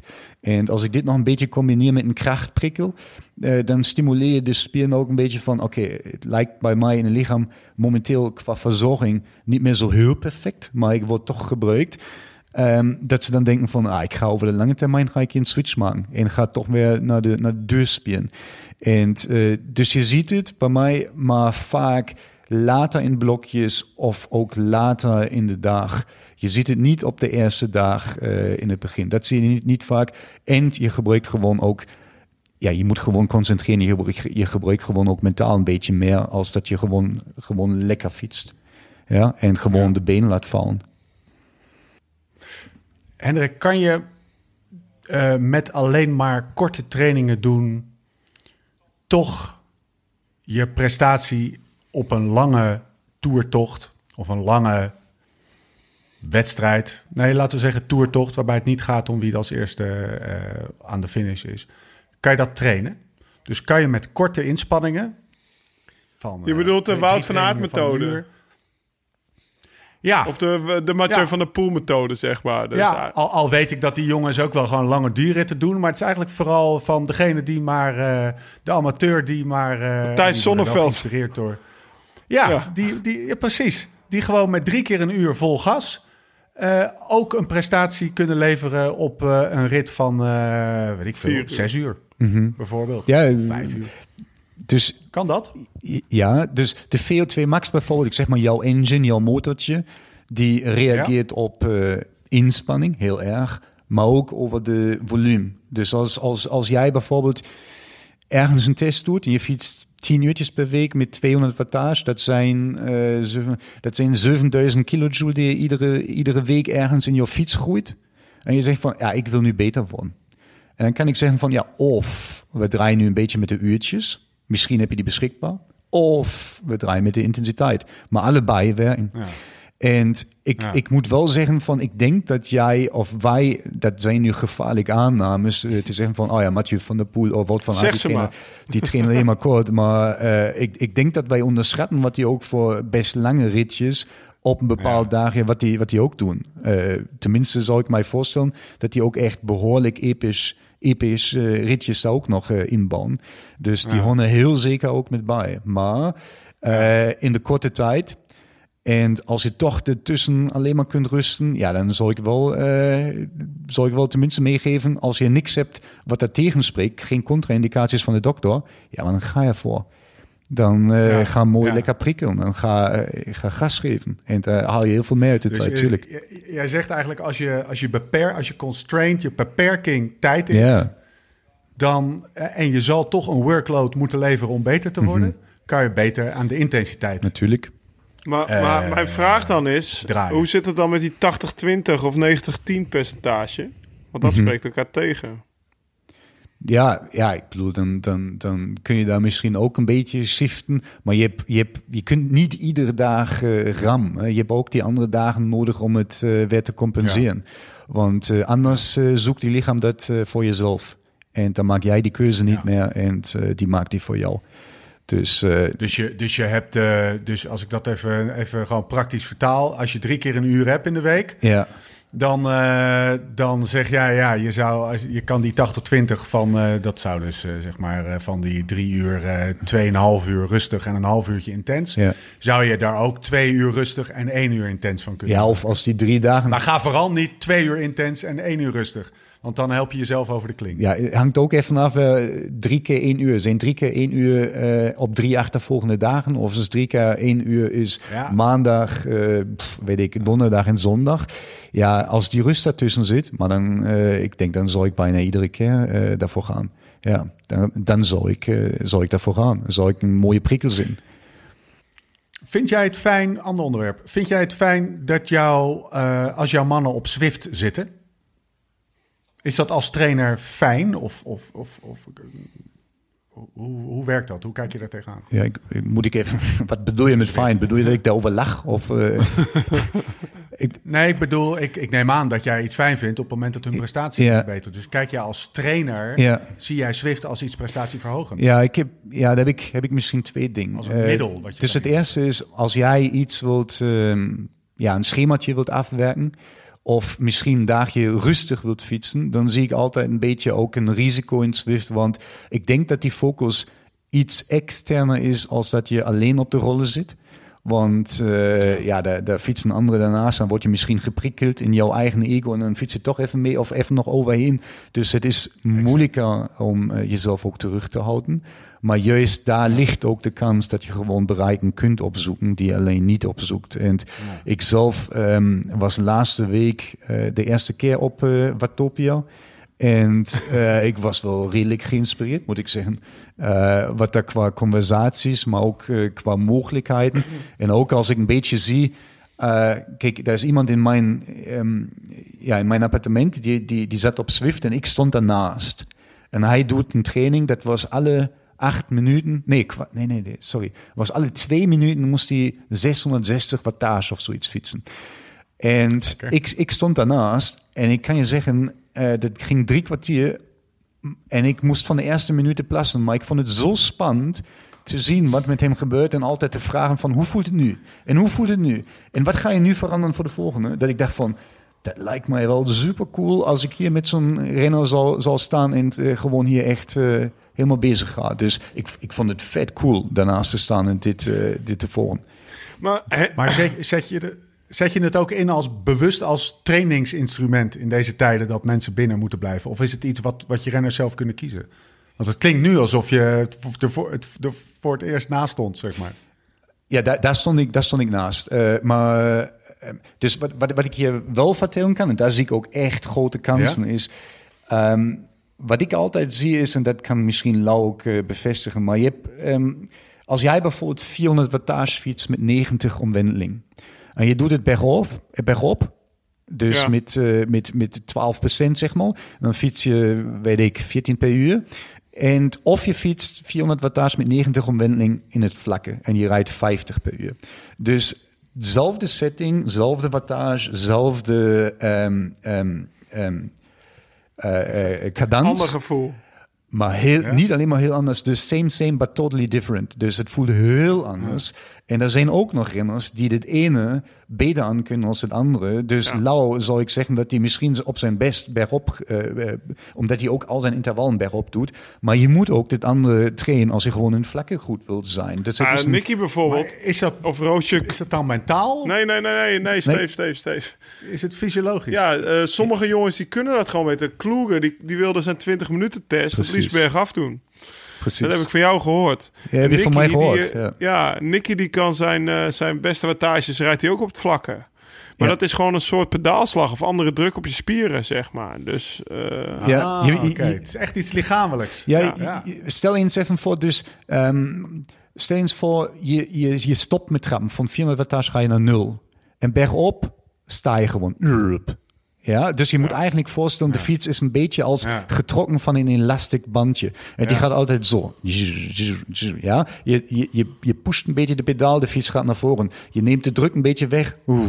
Dus als je 400 wattage met 50 per uur in vlakke rijdt, voelt het eigenlijk qua gevoel niet als een elastiek bandje, maar het voelt eerder als een wand die je tegen. Dus, eh, dus als je daar stopt met trappen, je houdt het kinetische energie nog steeds. Dus je moet eigenlijk voorstellen dat de torque, dus de, de, de kracht die je over de hele pedal stroke, over de hele pedaalomwendeling gebruikt.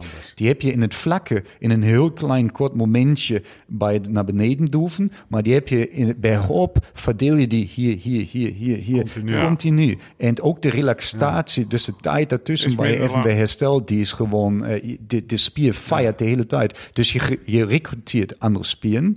Ehm, je, je gaat eh, heel zeker ook een veel hogere piek. Dus daar ga je ook eerder voor de sprintfibers, eh, zoiets. En je hebt een andere houding.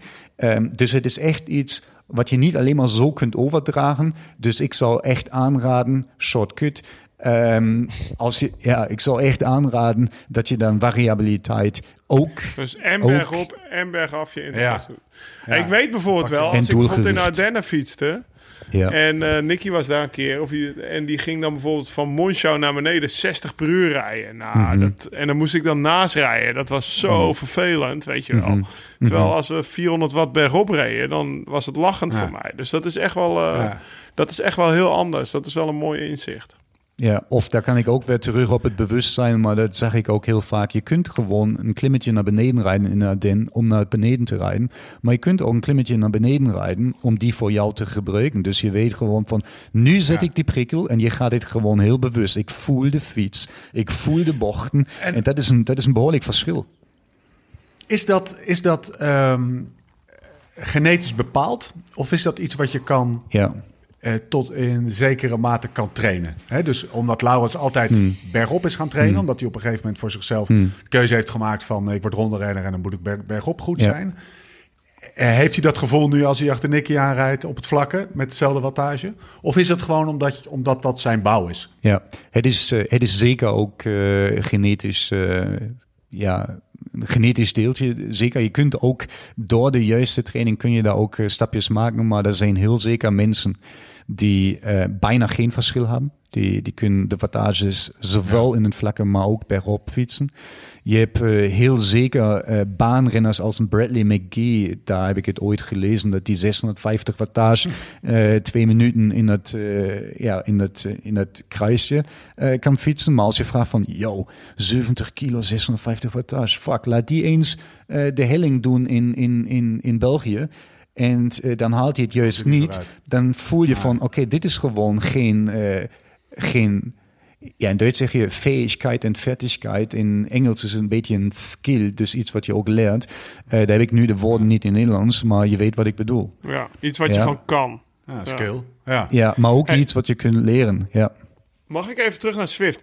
Er zijn nu best veel wedstrijden op Swift, hè? ja, ja. Eh, wat ik me nou enorm afvraag is... hoe kunnen we die vertalen naar de echte wereld? Buiten op de weg. Gaan die gasten knijterhard rijden? Of zo Nicolai Roach bijvoorbeeld. Dan valt mij op dat hij heel goed presteert in die virtuele wedstrijden. Maar ja, Is dat zo'n wattagemonster? Is hij zo eh, aerodynamisch als een vrachtwagen op de fiets? Eh, Waardoor hij dan zeg maar het eh, minder presteert op de weg. Hoe moet ik dat zien? Dat was voor mij echt wel een vraag wat, wat Ja. speelde. Ja, dus ik denk wat je daar kunt zien, en dat is mijn, mijn blik op al die dingen, want ik vond het vrij spannend in Ruby te zien van hoe gaat iedereen daarmee om. Ja. Maar ik denk, je kunt gewoon zoveel uit zo'n koers hier voor jezelf halen, hoe je ook zelf geeft in zo'n koers. Dus, een, dus als, als jij bijvoorbeeld, en daar zijn vragen van, oh, eh, zijn de rollers allemaal dezelfde calibratie, of heeft die het juiste gewicht, of eh, je weet het zelf, ja. Maar stel eens voor, je hebt een foute calibratie en je hebt het bewust gedaan. Eh, Dat lijkt nu bijna een beetje richting eh, doping en zo. Of, of, ja, maar, maar cheaten. En je, je kijkt s'avonds in een spiegeltje, maar er zit er gewoon niks voor je in. Dus het enige waar jij voor kunt zorgen is de commitment die jij geeft. En wat je kunt winnen door een uurtje volle bagram. En wat echt heel oncomfortabel voelt, is je kunt zelfwaarde en zelfachting, is het in Duits, ik weet niet eh, hoe, hoe je het, maar die kun je winnen. Wat je kunt verliezen als je cheat, is gewoon juist ook dit. Ja, dus ten, ten allereerste is, jij hebt het niet in controle van, ehm, ja, of er nu misschien ergens iets technisch eh, eh, nog als, als verschil is, maar jij kunt precies zoveel uit dit koers halen, als je dat zelf ook geeft. En daar zie je al persoonlijkheden die denken van, eh, ja, ik ga je met 100% commitment. En er zijn ook anderen die denken van, oh wow, en hier alweer eh, de WLAN eh, eh, gebroken. En ja, eh, zoek maar op, ik neem hier de shortcut. Ik hoop niet en, dat ik word opgesteld, zeg maar. Ja, Jeetje, moet ik... ja, Ja, ja, die- Ja, die, die, heb- die heb je, Nou, maar dat is... ja, die heb je ook. Maar ja, wat, wat sowieso ook iets is op de maar, maar, maar, maar als jij bijvoorbeeld die uitslagen ziet... Hè, Mhm.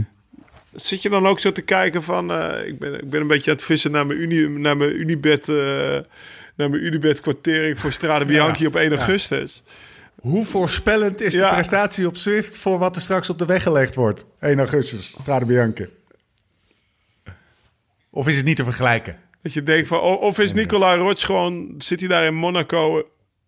En is dat er een die zich gigantisch kan motiveren voor Swift, zeg maar? Of Ja, dit, dit kan die. En, eh, of lijkt die te kunnen. Maar wat ik ook altijd zie bij, bij eh, Nicolas, en ik denk dat speelt heel zeker ook mee. Maar als die bijvoorbeeld in trainingskamp in Tenerife met ons was, was ik ook echt onder indruk hoe hij met warmte omgaat. En, want dit is echt limiterend op de rol. Hè? En eh, ik Ja. denk dat dat speelt heel zeker ook mee. Want ja, ik, ik, ik weet nog hoe weinig die moet drinken of eh, hoe, weinig die hartslag. eh, dus hij kan er echt super tegenaan. Hij zegt zelf dat hij in, in de Vuelta, eh, in vergelijk met de andere rondes, dat hij er gewoon, daar is hij gewoon specialist voor. Hè? Dus het is ook een beetje zijn environment waar hij dan, ja, dus dat speelt heel Hey. zeker ook mee. Ja. Ja, er, zijn, er zijn twee aspecten bij dat hele indoor fietsen zo belangrijk. Hoorde ik laatst ook in een andere podcast. Eén is aerodynamica, die speelt geen rol. Nee. En dat is toch een vrij belangrijk... eh, en dat is zelfs nu nog voor renners een inzicht dat die, dat, dat zo belangrijk is. Ik denk even aan eh, Jan-Willem van Schip. En twee, hoe ga je om met warmte? Ja, en ook nog Dat heeft groot effect op je prestatie. Ja, maar ook nog. Dus eh Roevie was nu iets, daar heb je niet eens eh, de slipstream. Zo'n concurrent van, Ja. eh, van Zwift, hè? Dat Ja. is een ander Ja, maar dat was even gewoon puur saai. Dat was Ja, altijd wij- een of Koen of Rowan Dennis. Ja, die reed vanuit de Bij. Roefie heb je geen draft, hè? Dus dan, wat je bij Zwift hebt, dat als je achter iemand fietst, Ja. dat je dan wel daar voordeel van Ja, hebt. maar daar, daar, kan, daar, kan, bij daar kan je ook niet. nog in het, in het wegstaan dat je bijvoorbeeld als je te veel extern gefocust bent, dat je daar overheen gaat in het begin. Want die fietsen allemaal met 7, 8 wattage eh, per kilogram eh, los. En ja. Ja. daar ga je heel zeker een rekening betalen die je in het begin nooit voelt. Want je bent gewoon eh, ja, full of adrenaline. Misschien. En, eh, Maar die, die rekening die kreeg, je, die kreeg je sowieso ergens. Ja, Het is eigenlijk weer een ander spel, hè? Ja. het is sowieso een ander spel, de indoor fietsen. Maar als je dat ook nog, die variabelen ook Ja. nog eh, eh, wisselt, dan... Maar heb ik je heb al- In Zwift een ander spel dan in Roefie. Ik heb dat door. De Tour is in september. Dan is nog een stukje kouder in Frankrijk. En dan de Giro en de Vuelta zo laat. Ik, ik hoef Roche niet te spelen, zeg maar, op Unibet. ik dacht, ik heb een dark horse, maar... In november de Pico Valeta Ja, op. Ja, ja, dat gaat het niet worden. Wat, wat ik nog altijd... Hendrik, Ja, sorry. Hendrik, sorry dat ik, je, dat ik je onderbreek. Ik heb gewoon vragen van de luisteraars die ik ze eigenlijk zelf ook wil weten. Ja. Eh, we, gaan, we gaan er gewoon even rapid fire een paar doen. Is dat oké? Ja, eh, graag. Ja. Hoe, eh, hoe weet ik of ik genoeg, te veel of te weinig train? Hoe weet ik of ik genoeg, te weinig of... Te veel train. Ja, ja. Dus, ik, dus te veel, als je, als je nu echt helemaal niet in het verbond Daar bent... wil ik wel op antwoorden. Be- Oké, Lau, begin, begin Lau, jij. Als je geen, ja. Als je geen odol meer hebt. En dat voor meer dan een week, dan moet je even een weekje rust pakken. Vertaal dat, oh, vertaal Odo even in het Duits. Een ziemlich grote Wat is dat, de stijve pimmel? Stuk eh, Ja, s ochtends. Oké, in, de, oké. in, de, in de ochtend. Ah, Ja, maar dat heb ik Een altijd... ontzettend dikke ochtendlul. teken voor topvorm voor mij was heel mager, maar toch een odol. Nou, dan was dat wel goed, zeg maar. Dan was hij in orde. ja. Maar dat is, dat is op een ander... eh, ik, dat, dat, Ah, het is hormoonniveau. Dat, eh, dat, dat, dat, eh, ja, ja, dat snap ik. Ja, En nou jij, Hendrik. Na deze mooie voorzet van die smeerpijn. ja ik, ik bedoel, eh, dus als, je- als je te veel traint, eh, gaat jouw lichaam heel zeker ook tekens sturen. Ja, dus eh, daar moet je alleen nu nog maar even, even attent zijn en daar ook luisteren. Maar, Wa- Wat voor tekens? maar die kreeg je. Ja, ik bedoel, als je heel lang niet hoort, dan is het teken redelijk duidelijk en is er gewoon ziekte. Ja, Ja, tuurlijk, die, Ja. ja. die lichaam die gaat jou dat eh, altijd... maar die is in your face. Als je Hè, lang dus niet luistert, bedoelt hij. Als je lang niet luistert, dan zijn er al meerdere tekens geweest. Maar als Ja. je lang niet luistert, Precies. ja, word je ziek. ziekte, ziekte kun je altijd zeggen. Ziekte is als je je eigen waarheid niet leeft, word je ziek. En dat is overal. Als je ergens iets, wegpusht, eh, wat dat ook voor tekenen zijn, op, eh, ja, dan, eh, dan is het een beetje dat de ziel naar het lichaam zegt van, kom op, zeg jij het naar hem, want op mij hoort hij niet. Ik trek nu aan de hand. Ja. Maar we zijn natuurlijk op zoek naar de, de signalen die ervoor zitten. Eh, om dat te voorkomen. Eh, kleine dingetjes in daily life. Die je, als je niet bewust bent, niet merkt. Maar als je jouw kennis hebt en daarmee bewustzijn eh, overbrengt op de mensen die, die overtraind gaan raken. Ja, ja. Dat, ze die denk, dat ze denken, nou weet je wat, dit, eh, dit, dit neem ik nu waar en ik stop nu even. Ja, ja, ja. Daar ben ik naar op zoek. ja. Dus, maar... eh, De kleine Ja, maar wat, wat, wat, is, wat, is, wat is te weinig? Ik bedoel, eh, hoe, hoe, je te weinig voelen? Ik bedoel, Ja, dat, dat is- ik weet het niet. Hoe, het, laten we te veel doen. Dat is misschien evidenter. Wat, wanneer merkt een fietser als hij te veel traint? Te, te, te veel traint. Wat, waar merkt hij dat aan? ah, dat, dat kunnen sommige dingen zijn. Als je bijvoorbeeld eh, te veel traint en jou, als je naar je hartslag bijvoorbeeld kijkt en eh, je kunt de max niet meer halen. Of eh, als je bijvoorbeeld ziet dat de dynamiek van de hartslag gewoon verandert en die gaat nu alleen nog maar heel langzaam naar boven. Of ook heel langzaam weer naar beneden. Dan zijn het heel juiste teken van, oké, hier is even iets en ik heb de tijd weer nodig. Want eigenlijk normaal gezien gaat de hartslag, de maximale hartslag, die, hij- die, die, die kun je eigenlijk een beetje eh, ehm, houden. En die, gaat, eh, die ga je nog altijd, als je fris genoeg bent, ga je die halen. Maar als je, als je gewoon dit eh, frisheid verliest, of ja, Lau zal het beter weten, in zo'n grote ronde haal je in het begin, in het eind misschien Ja, niks meer.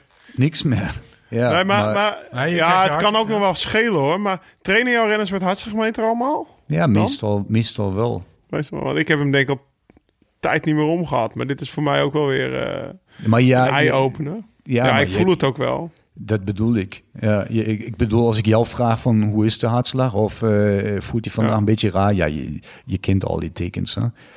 Ja, en, Ja, eh, daarom, ik voel het zo goed. Maar ik, kijk, ik heb een voorbeeldje. Ik heb bijvoorbeeld, ik weet nog wel, ik reed Parijs-Nice 2008. hmm, En eh daar hadden we een rit, moesten we Roberts eh leiderstrui verdedigen. Robert Geesink had toen een leiderstrui gepakt in, eh, op de Mont Ventoux. En dat was een rit en dat was heel stom. Eh, Er reden er in het begin 25 man weg en zaten we niet mee. En het peloton erachter was ook in twee groepen gebroken. Ik weet nog wel, Karsten Kroon reed voor CCC, die was mee, CSC. En eh, de meeste knechten van Robert waren gelost, behalve ik, Robbe, ik Tank, Koos Moerhout en Fletcher. Nou, we hebben met z'n vieren gereden, jongen. De hele dag. Ik denk 80 kilometer. Dus dan heb je het over één dag, hè? En ik had die dag hartslag 180, jongen. En rijden en doen. En uiteindelijk redden we het nog. Een dag later was de rit over de Tanneron. Ik denk dat ik niet meer boven de 160 kwam. Gewoon één dag later was het gewoon klaar al, zeg maar. Dus ja, dan weet je ook wel van nou... eh, het is gewoon naar de kloten. En dat, eh, ik denk dat, eh, ja, dat, dat, dat je dat als Het kan ook zijn eh, met de everyday cyclist. Als jij eh, twee dagen lang tot twee uur s'nachts of tot twaalf uur s'nachts hebt moeten werken achter je laptopje. Ja, ja, dan hoef je ook ja. niet een dag later te proberen om, om dus er even tegenaan te gaan, zoals Henna zegt. Ook niet Ja, als je maar drie keer per week een uurtje hebt. Mhm. Dan stap je op de fiets en dan voel je het wel. En eh, wat Hendrik bedoelt is dat je wel echt goed naar die signalen van je lichaam moet luisteren. Ga je slechter slapen? Is ook, een, is ook een- als, je, als je slecht gaat slapen, dat is ook wel een teken van te veel stress. Overtraindheid. Nou ja, Ja. te veel stress. Het zij een training, het zij je werk. Maar ja, dat is allebei stress voor je lichaam. Dus je kan jezelf ook... eh, ook met drie uur per week kan je jezelf overtrainen. Als je werk gewoon of je gezinssituatie Ja, heel veel stress geeft. En cortisol en weet ik veel wat allemaal voor hormonen aanmaakt. Die, Precies. die ervoor zorgen dat je, dat je gewoon eh, minder belastbaar bent. Precies. Hier, hier, hier ga ik eh, heel zeker nog even één klein conceptje delen. Want Ja. ja, ja ik, ik praat daar altijd over zo'n, van, van Birkenbiel is het een ABCDE-concept. Misschien heeft het Lau van mij ook gehoord, maar eh, wat ik altijd in mijn hoofd heb, en dit is waar je geen metric of geen cijfertje voor hebt die dit meet of kan uitdrukken, maar ehm, je hebt dus ABCDE, bepaald, bepaald ehm, contingent energie. En A is gewoon autonome energie. Je moet gewoon poepen, je moet ademen. En eh, ja, als jij bijvoorbeeld een verkoudheid heeft als man, ehm, dan vreet dat gewoon superveel energie. Ja, maar als je gewoon gezond bent, ja, dan is dat een heel klein gedeelte. B is, wie ben ik? En als je met jezelf een beetje in het knoop zit, dan vreet dit ook zijn energie. Maar als je daar gewoon eh, ja, helemaal tevreden en eh, goed in balans zit, is dit ook klein. C is chrono. Wat moet ik allemaal, wat heb ik, dus tijd. Wat heb ik allemaal voor appointments? Waar, moet ik, eh, ja, weet ik, daarheen. Eh, hier, hier heb ik een meeting, daar heb ik een meeting. Dus hoeveel, hoeveel afspraken heb ik overdag? D is doorvoeren, to do. Dus eh, je moet even de kinderen naar de kindergarten brengen. Je moet het eten zelf voorbereiden. Je moet tanden poetsen, bla bla bla. Al die dingen die je over de dag moet doen. En het blijft E. Ehm, ja, in Duits is ontwikkelen. Dus ontwikkelen, eh, ontdekken. Dus alles wat, wat voor persoonlijk, maar ook sportief groei, ehm, dispositie, energie. Dus dit eigenlijk, ik zeg maar dit potentiaal. Maar als jij bijvoorbeeld nu in een tijdje zit waar je, ik zeg maar, eh, een beetje af wilt vallen en de energierestrictie eh, ehm, een beetje A-energie vreet, want je moet gewoon eh, ja, je hebt gewoon cortisol, als, als Lau zegt. Eh, misschien heb je ook nog druk op werk. Dus je hebt ook nog eh, redelijk veel C of D. Maar dan blijft gewoon weinig E. En dit is, ja, dit is ja, eigenlijk een goed exempel. Want je helpt gewoon niet als je gewoon de schemaatje zo bijhoudt. Want er is eigenlijk geen energie waarvan je kunt groeien. Dus hier een beetje ruimte te creëren en zeggen van... oké, ik heb nu ik heb nu gewoon een beetje ziekte... en daarom eh, ga ik aanpassen.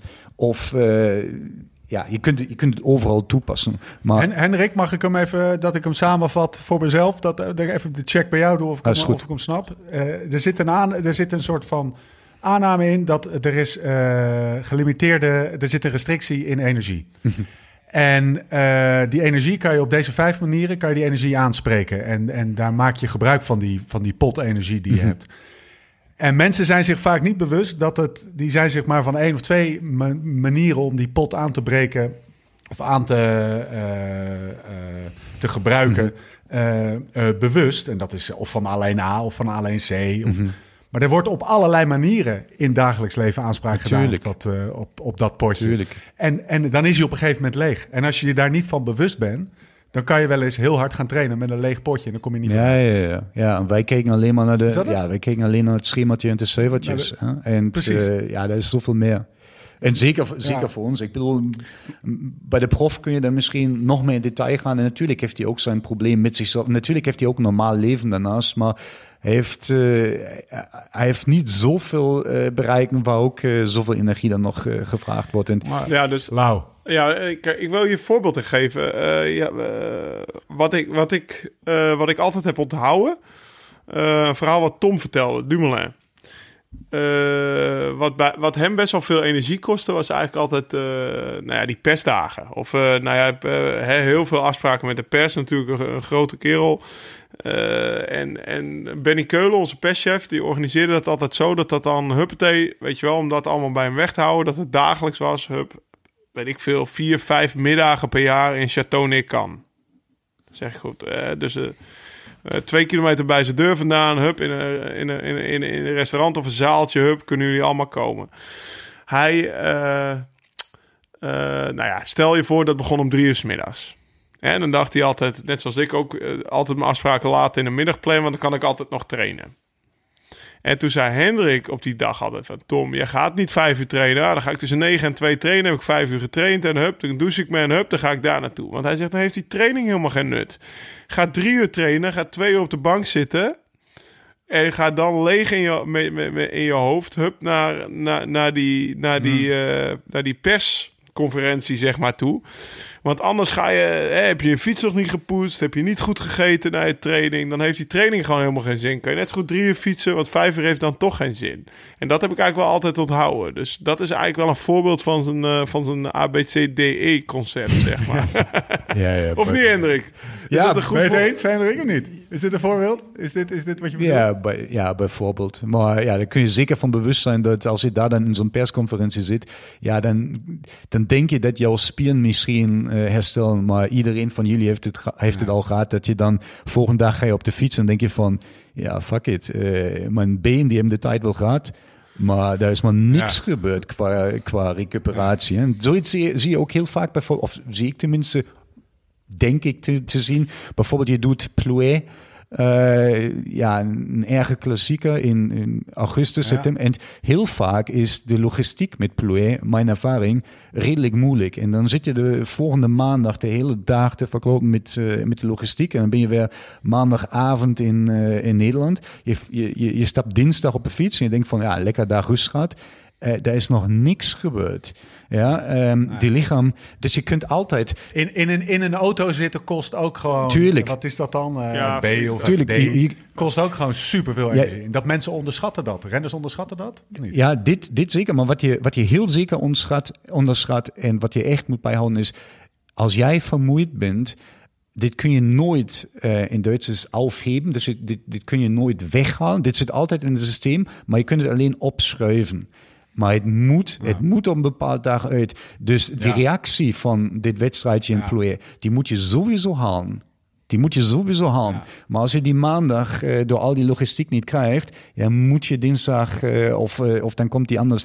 Maar ja, en, en heel vaak, als, je, als je dat een beetje, een beetje volgt en je ziet van hoeveel daar weer C, D, bla bla bla eh, gehaald wordt, dan krijg je soms wel een beetje idee van dat je weet van oké.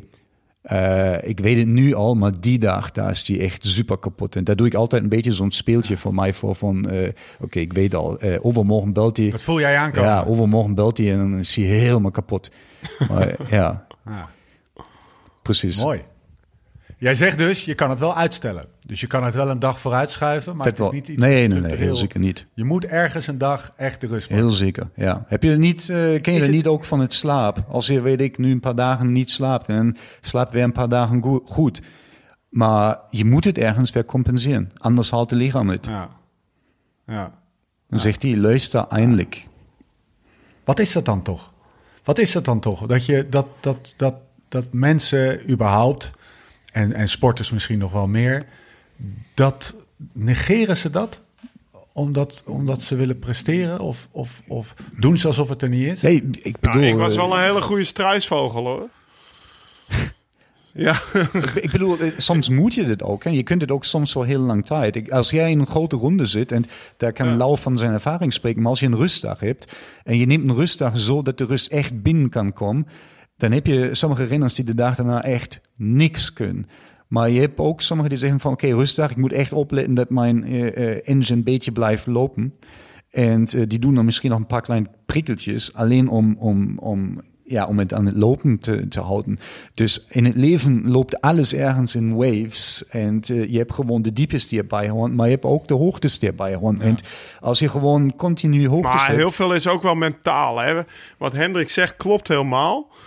Eh, het moet een keer terugkomen. Mhm. Maar eh, die kop is vaak zo sterk, het komt pas vaak na Parijs. Hè, dat je, of, Ja. of na de laatste bergrit. Ja. Of eh, wat Nicky zegt, eh, ik ben er, nooit, eh, ik heb er nooit, ben er nooit te vroeg in vorm geweest. Als ik tot Ja. Roubaix goed wil zijn, dan ben ik tot Roubaix goed. Maar dan fiets je daarna ook een week niet, bij wijze van spreken. Dus Precies. het komt terug, maar mentaal kan je het wel rekken tot het moment dat het komt. Maar als je dat maar blijft doen, en dat is vaak in het dagelijks leven zo, ja, op een gegeven moment gaat dat elastiekje knappen en dan krijg je die burn-out, zeg maar. Maar eh, ja, omdat het in waves loopt, het seizoen loopt ook in waves. Het is eigenlijk best wel grappig wat er straks gaat gebeuren, want het begin is op 1 augustus. En dan is er iedere dag een wedstrijd. ding, ding, ja, ding, ding, ja, ding. precies. Ja. Dus dan is er eigenlijk geen golf leven. straks. Ja, dus dat is Daar heb ik straks nog wel, daar heb ik zo meteen nog wel een vraag over. Ik ben benieuwd hoe jullie die puzzel leggen. Maar, maar meer in het verlengde van deze discussie. En, en laten we zeggen, hoe je herstel kan, kan organiseren voor jezelf. Hoe bewust je ermee om kan gaan. Maar ook hoe je het kan. Eh, hoe, je de, hoe, je, hoe, je, hoe je beter kunt herstellen. In hoeverre gebruik jij eh, middelen als, eh, als yoga of meditatie? En, en, of misschien op een minder abstract niveau eh, gewoon rek- en, en strekoefeningen. Of massage. Eh, in- of massage misschien nog wel. eh. maar massage is een, is, een, is een bekend iets in de wielrennerij. Maar ik heb het idee dat er minder mensen op een yogamatje liggen. Of is dat niet meer van deze tijd? En dit doet iedereen dat Ja, tegenwoordig? ik gebruik dat eh, op die niveau eh, die die renner het zelf ook ziet. Want eh, is hetzelfde als met de rollen. Eh, het geeft jou zoveel als je daar zelf ook in kunt geven en wat Ja. je daar zelf ziet. Ja. Ja, en als je jij eh, dit echt voor jou gebruikt, of als je dat gebruikt omdat ik zeg yoga, yoga is goed, maar het werkt heel verschillend. Hè? Dus als ik jou, ja, als, als jij dit ziet en ook voor jouzelf kunt gebruiken, ja, is prachtig. En dan eh, zal ik het ook, eh, ja, Maar aanraden. betekent dat dat jij, er, dat, jij er, dat jij er zelf niks van vindt of het effectief is? Of eh, hoe, want je, ehm, adviseer je het renners om het te doen? Om het uit te vogelen of het wat doet voor ze? Ja, je, je, kunt, je kunt dit weg alweer, je kunt dit weg laten zien en ze kunnen het voor zichzelf pro- proberen. Ik kan, eh, als ik daar bijvoorbeeld een heel goede ervaring mee heb. Ik heb bijvoorbeeld een ademtraining gedaan. Ja, daar ga je gewoon met jouw Ja. adem ga je spelen. En eh, ik kom daar gewoon eh, in toestanden. ja, die kun je hier bijna niet omschrijven, maar daar, daar ga je in, in toestand. Ja, dit zal, ik, dit zal ik mensen aanraden. Maar iemand die Ik had erheen Karsten aan de lijn. Karsten Kroon. Kijk. Die is, adem, die is therapeut. Kijk. En die zei dat hij dat met jou wilde gaan doen. Ja, eh, Dus bij ja, deze, ademsessie. ik, ik Ja. ga jullie koppelen even Ja, na ik de ben, uitzending. ik ben open daarvoor. Ja, dan gaan we, Ja. gaan we lekker koppelen. Want ik ben, ja. ik ben daarvoor heel open, die ervaring te doen. Maar als je daarvoor niet open staat en je denkt van, wat is dat nou? Ik, ik heb nu hier voor ademen geboekt en dan gaat hij ergens... eh, eh, ja, ding bespreken eh, waar je echt ook niet, weet ik, veilig of kwetsbaar voelt. Of, Ja. Oké. Ja, maar, maar als, als je er niet aan gelooft, ja, dat, dan, dan, dan werkt dat ook niet. Ja. Maar is, is, ik ben toch even benieuwd. Hè? Want iets zegt mij, eh, misschien eh, zit ik verkeerd door Hendrik, maar iets zegt mij dat het iets is waar jij in gelooft en, en denkt dat het gewoon eh, eh, eh, zou kunnen werken. Is het dan eh, de wielrennerij die daar minder aan toe is? Of, eh, of jouw renners die daar eigenlijk niet zo op zitten te wachten? Of, of, of juist wel heel erg? Goede vraag. Hangt altijd af van hoe, voor hoe open die gast is. Dus ik zal van mijn renners, Ja. eh, zal ik denken, er zijn minimaal... Ja, ik, ik denk dat ik bijna iedereen daarvan kan eh, inspireren. Daar geloof ik ook een beetje in mij. Maar drie, drie zo'n eh, zeker direct open daarvoor zijn. Altijd open. Voor nieuwe ervaring. En, en, en, en, ja. Maar eh, ja, als ik er zelf aan geloof en dit ook goed kan brengen en die dit ook zien, dan volgen ze mij. Maar ze doen het zeker niet voor mij. En dan werkt het ook niet. Dus het is allemaal dat je het, eh, je moet het zo- toch voor, voor, Je voor moet er jezelf zelf in geloven, Stefan. Dat is gewoon met al dat soort dingen zo. Want anders, eh, Open. je moet het niet voor iemand anders doen. Je moet het voor jezelf doen. Ja, oké, maar dat ben ik helemaal met je eens. Maar er is een verschil tussen kennis hebben en iemand proberen te inspireren, zonder iemand te overtuigen, maar iemand Ja, zeg maar, altijd. die kennis ook laten hebben, zodat hij of zij zijn eigen Ja. weg daarmee kan vinden. Ja, precies. Hè? En mijn vraag zat hem niet zozeer, ga je het aan iemand opdringen, maar ga je het, eh, ga je het actief eh, iemand leren, zodat hij daar zijn of haar keuze in kan Ja, maken. ja. En, en daar is het antwoord ja op. Ja, Ja, dat of doet hij, ja. mediteren. Omdat je er zelf echt ook. in gelooft. Ja. Ja. Oké. Mag ik nog twee hele praktische, praktische eh, shortcut vragen? Ja, tuurlijk. Even een paar hoor. Hoe kom ik erachter wat de beste trapfrequentie voor mij is? Wat de beste trapfrequentie voor jou is, Ja, ja. Of is die er niet? Kijk, als je, als je nu naar de wetenschap kijkt. eh, Je kijkt, je kijkt als ik dit soort vragen stel, kijk je een beetje zo van... Gast, ik, ik ga je nu weer even... zitten. Maar ga door, sorry. nee, eh, ja, dus je moet altijd dan weer. Dus waarvoor, waarvoor de beste? Ehm, als, je, als je naar de wetenschap kijkt, dan zal de efficiënteste is gewoon 70 omwenteling. Ja, maar, maar die hou- Bullshit. ja, dat is bullshit. De- Daar hou je, ja, als, je, als je gewoon met de beste berg op wilt meefietsen.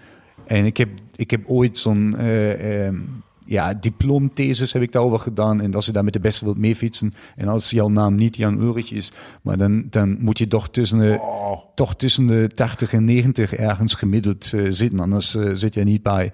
Dus ergens, als je een bepaald torque, dus de kracht zeg maar, die in het pedaal zit, ehm, Ja. over een lange tijd, en gaan ook jouw spieren vermoeien. En eh, dan haal je ook gewoon niet meer die dynamiek die, die in het peloton gebeurt. Dus alleen van die kant al moet je daar hoger zitten.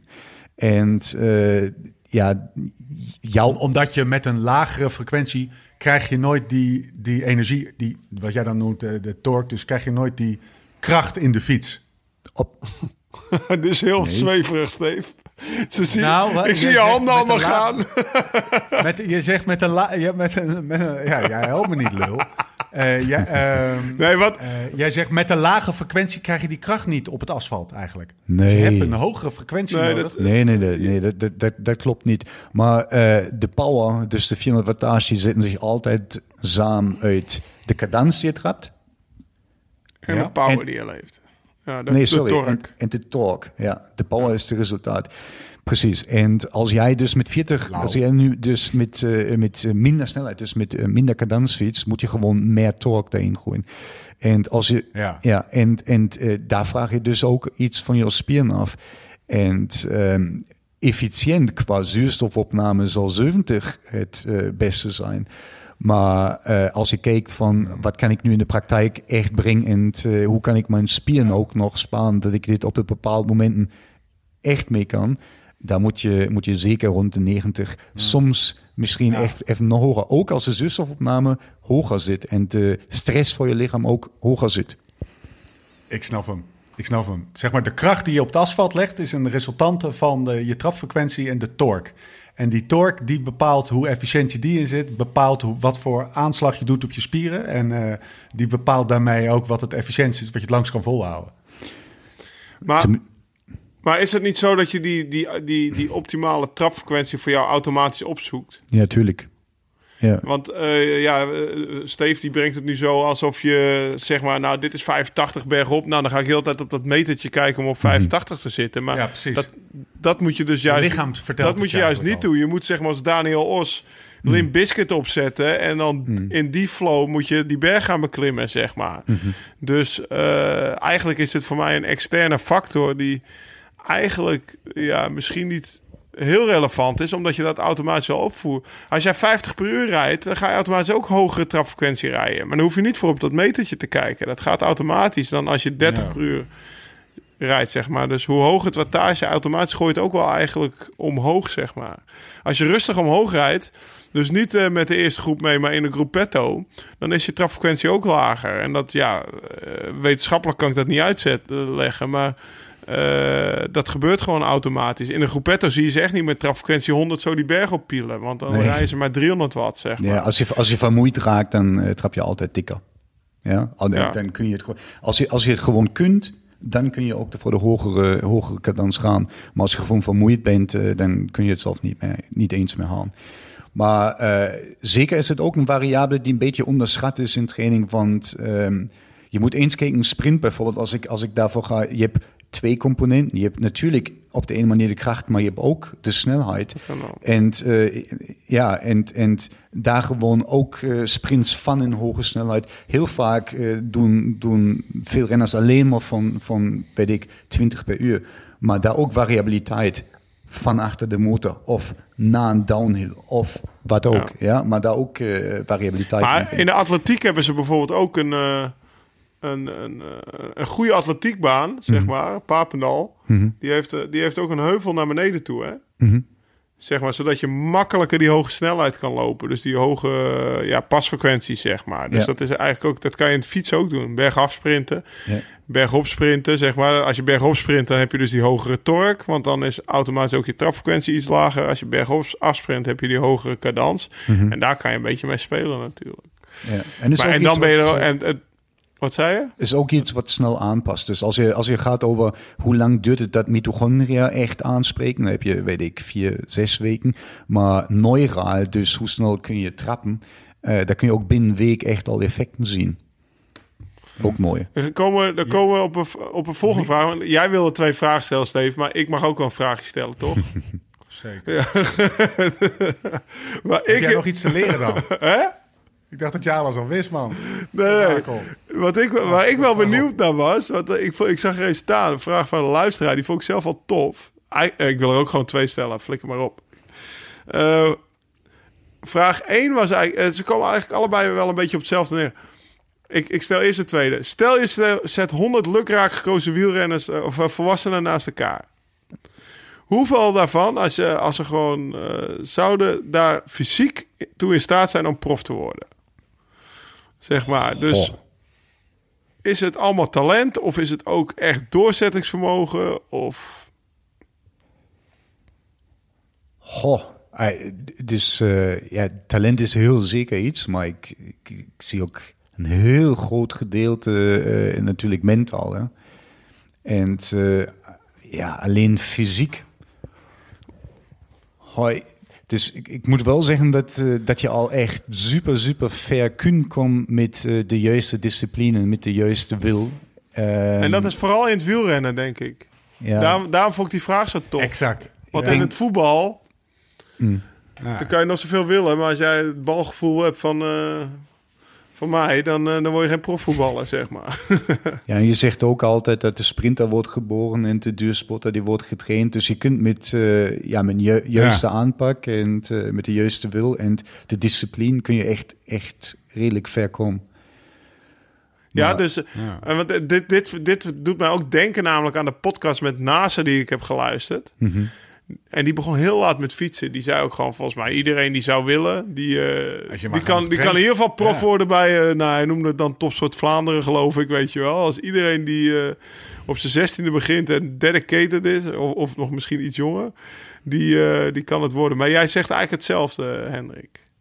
dat is wel... ja, je kunt wel redelijk ja. ver komen. hey, dat is wel, dat is toch mooi? Voor alle jonge kids die maar, aan het luisteren maar, zijn. Wat, maar vind jij, devalueert het jouw vak niet een beetje, Lau? Nee, vind wat ik. Je, wat is de reactie? Nee, maar ja, ik, ik heb het van de week ook nog wel een keer gezegd. Zo van hoeveel toerwinnaars die staat daar, sta, hè, zie je bijvoorbeeld in een kuil staan uh, of op een knie liggen, ja. uh, weet ik veel, straten leggen. Maar die zijn nooit op de fiets gekropen. Ten eerste dat niet. en ten tweede, of ze zijn er wel op gekropen en ze zijn er weer afgestapt. Of de meiden waren belangrijk. Tuurlijk, de, de dedication, dat is ook gewoon... Eh, dat is iets waar ik wel goed in ben. Ja, dat is ook veel waard, hè? Ja. En wat Hendrik al in, uh, in het eerste half uur aangaf... het gaat om continuïteit. Het is niet even een weekje hard trainen... of even twee weken hard trainen. Nee, het is eigenlijk een proces van maanden of jaren hard trainen en training op training stapelen. En dan, ja, dan, eh, maar het is wel tof om te, te zien aan Hendrik of te horen van Hendrik eigenlijk wat, wat Oliver Nase zei. Dat het, het kan gewoon. En dat is, vind ik wel tof. Wat ik altijd, ken, ken jullie de marshmallow-experiment? Was, uh, dat, dat moet je eens op YouTube kijken. Dan kun je echt keihard lachen. Maar dan hebben ze kleine kinderen en ze, dan geven ze één marshmallow. En zeggen, we gaan nu 10 minuten naar buiten. Als je het haalt en je raakt die marshmallow niet aan, dan krijg je nog een tweede erbij. En dan kun je echt dingen zien. eh, dat, is, oh, dat is heerlijk. Dus je hebt eh, sommigen die gaan gewoon de kop de hele tijd op het is aanpakken.